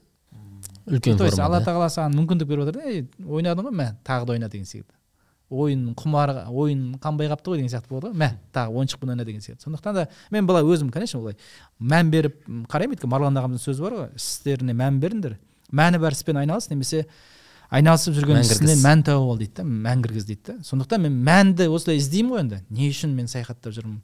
Бұл не нәпсінің қалауы ма? Не бұл? Әрине нәпсінің қалауы. Бірақ соны халалдау адалдау мақсатында осы мән тапқан кезде жүрегің тыныштанады жаңағы данияр жігітбай айтпақшы может миссиям осы шығар. Может мен өйстіп жүріп адамдарға енді өзім де қалауымды қанағаттандырып конечно біріншіден менің қалауым ғой ол. Екіншіден адамдардың да бір сұранысын беріп жатқан шығармын деп бір мән бергендей боламын да. Сөйтіп кішкене жүрегім жатырсыз иә. Қарап отырмыз. Мен ы, руслан меделбекпен осы сізге ұқсайды ол да саяхатшы жиһангез ғой. Онымен ы, бағанағы оңтүстік америкаға бардық та. Мен енді анау неде копакабанада ж- жатайыншы дедім да енді. Шаршап кеткен ғой енді. Жатайыншы деп тұрмын да. Ол артта нені түсіріп жүр да? Контент түсіріп жүр да. Сосын мен айт одан сұрақ қойдым енді. Сен контент түсірмейсің бірақ саяхаттайсың десем саяхаттайсың ба десем жоқ дейді да. Бағанағы анау кімнің марлан ағаның айтатыны бар ғой. Мен, мен де керісінше. Өзінің анау миссиясын қалай білесің десе Иә, иә. түк істемей жатшы дейді да. Түк істемей жат. Сол кезде сен ішкі ә, анау сені итеріп шығады дейді да. Мысалы бағана түк саяхаттамай қою. жыбырлап иә, анау сені қоймайды дейді да ішке. Шынымен де біздің бәлкім өз бағанадай өз дауыс ішкі дауысымызды тыңдамаймыз жүрегімізді тыңдамаймыз да соны өшіруге тырысамыз. Бірақ негізі жауап өзі айтып тұрады ғой бізге. Мысалы сіз бақыттысыз себебі ә, өзіңіздің жүрегіңізді тыңдаған адамсыз ғой енді былайша айтқанда. Сенің күшті теоремен бар емес па ә, жаңағы қайсы деп па? Көп деген қараса уже сондай деңгейге жеткен уже. Қай теорема еді деп па? Анау ә, қандай да бір сүйіктісін білу үшін жаңағы сол істі жасауға ақша ақша төлеуге дайынсың ба деген бар ғой. Мысалы мен менікі емес ол кім бағана а, марлон а сейсенбайдан сондай естігендер ма? ғой. Қап біздікі сен келгенді ойлап жүрсем транслейшн яғни ол сондай ғой солай тексеру өте оңай. Шындық детектор деген сияқты. Мен иә бұл инстаграм жоқ болса да менде нөл подписчик болса да ә, жаңағы ақша төлеу керек болса да мысалы. Сіз көрші ауылға барып бір мешітті зерттеп дәптерге Өз ауылыңызда. иә вот вот мен мен осыны тағы да айтайын. Қараңызшы оқыған кітаптың бәрі дым білмесін айға саяхаты айға саяхаты. Оқы бала кезде көргеніміздің бәрі карта. Карта карта карта карта карта. Жаттап аласың картаның бәрін. Одан кейін жаңағы ә, мешіт бар бізде ауылда ноғай ишан ноғай ноғай ишан мешіті деген.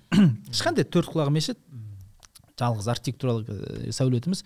Соны жетінші класста барып жаңағы медет деген досыммен бірге класстасымыз анау не рулеткамен барып өлшеп ені былай екен ұзындығы былай екен сосын кірпішін ана типа қызыл кірпішін алып типа зерттейміз неден.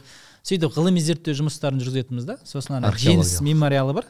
Ә, жаңағы мылтықтың не дейді штык дейді ғой. Ұңғымасы оң, ма? оңғысы баяғы қырық бір қырық бесінші жылы соғысқа арналған. Адамдар соны ә, соны зерттейтінбіз ұзындығы ені так бұл қалай салынды екен мылтықты не? Сосын мрамор қойған ғой совет одағында сол мраморын үгітіп алып енді онсыз да үгітіліп жатыр. Соны алып сақтап қойып бұл бұл, бұл күшті тас деген сияқты.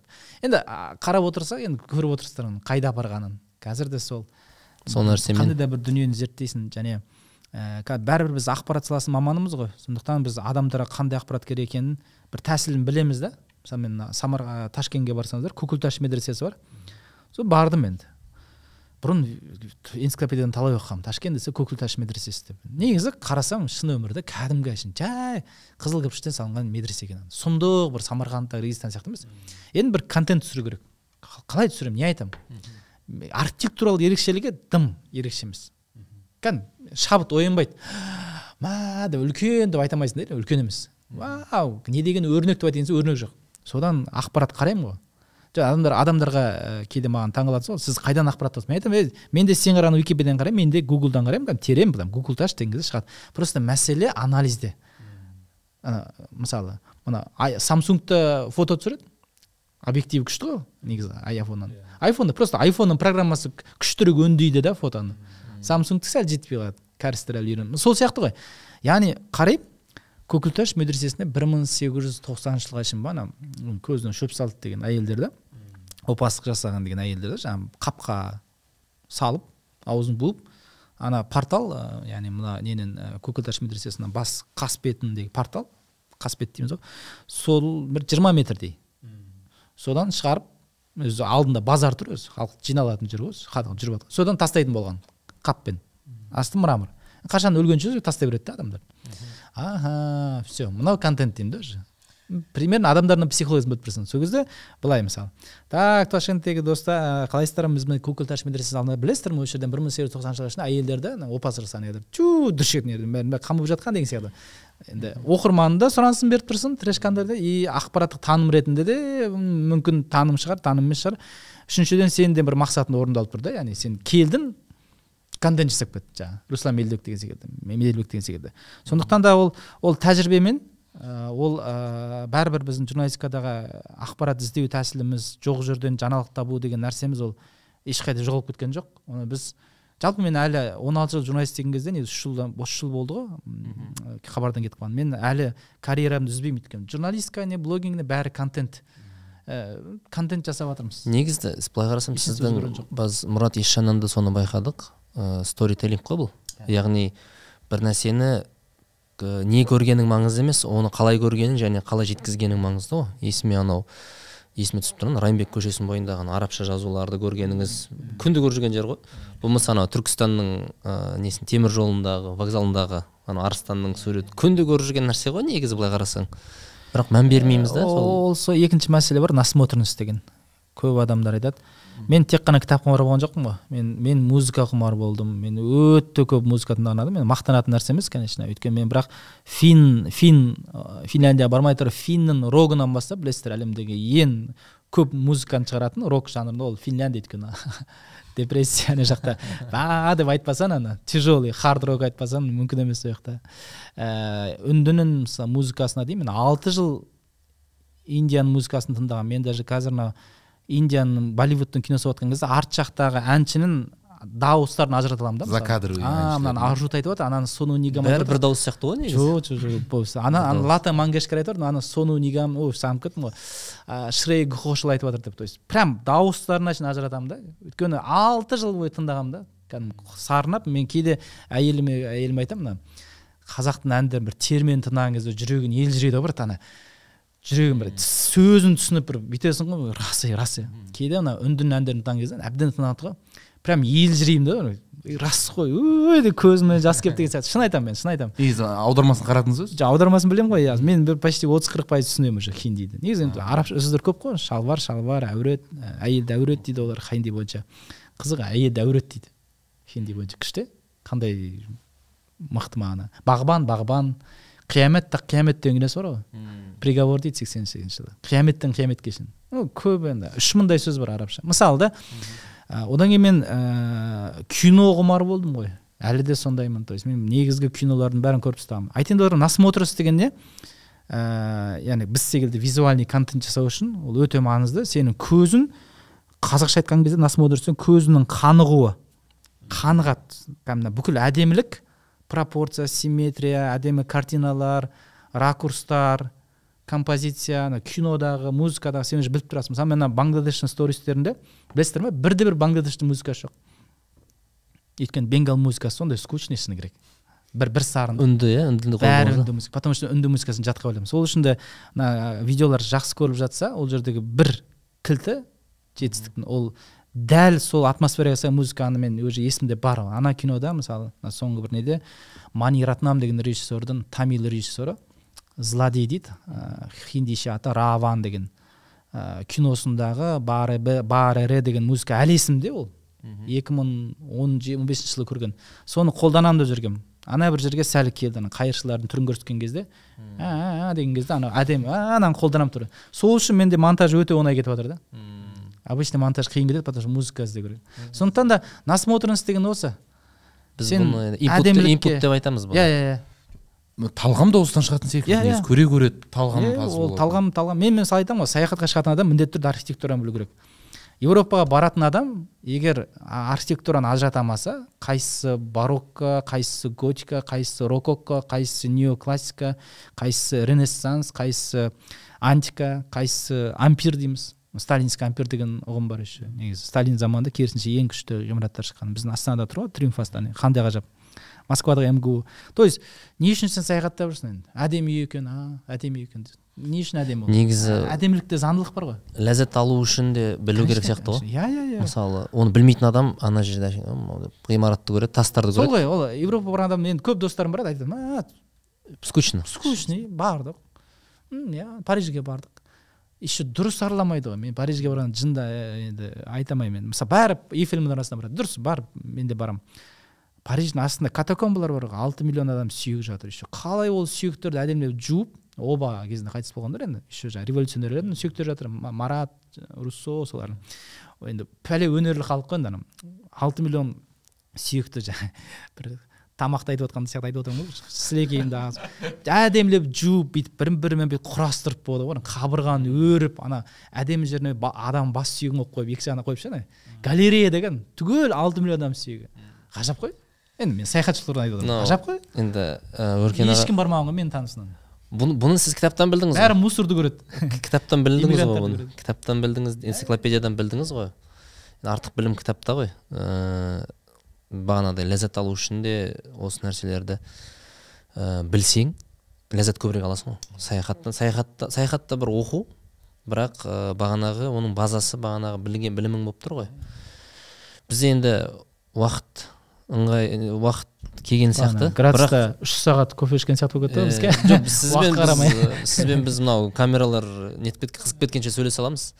Бірақ құдай қаласа тағы да шақырсақ деген ойымыз бар. Сіздің уақытыңыз болса ұнады ма сізге? Иншалла. Жоқ жақсы сөйлеген сияқтымыз. Ә, қайталаған жоқсыз ба басқа жердегілерді?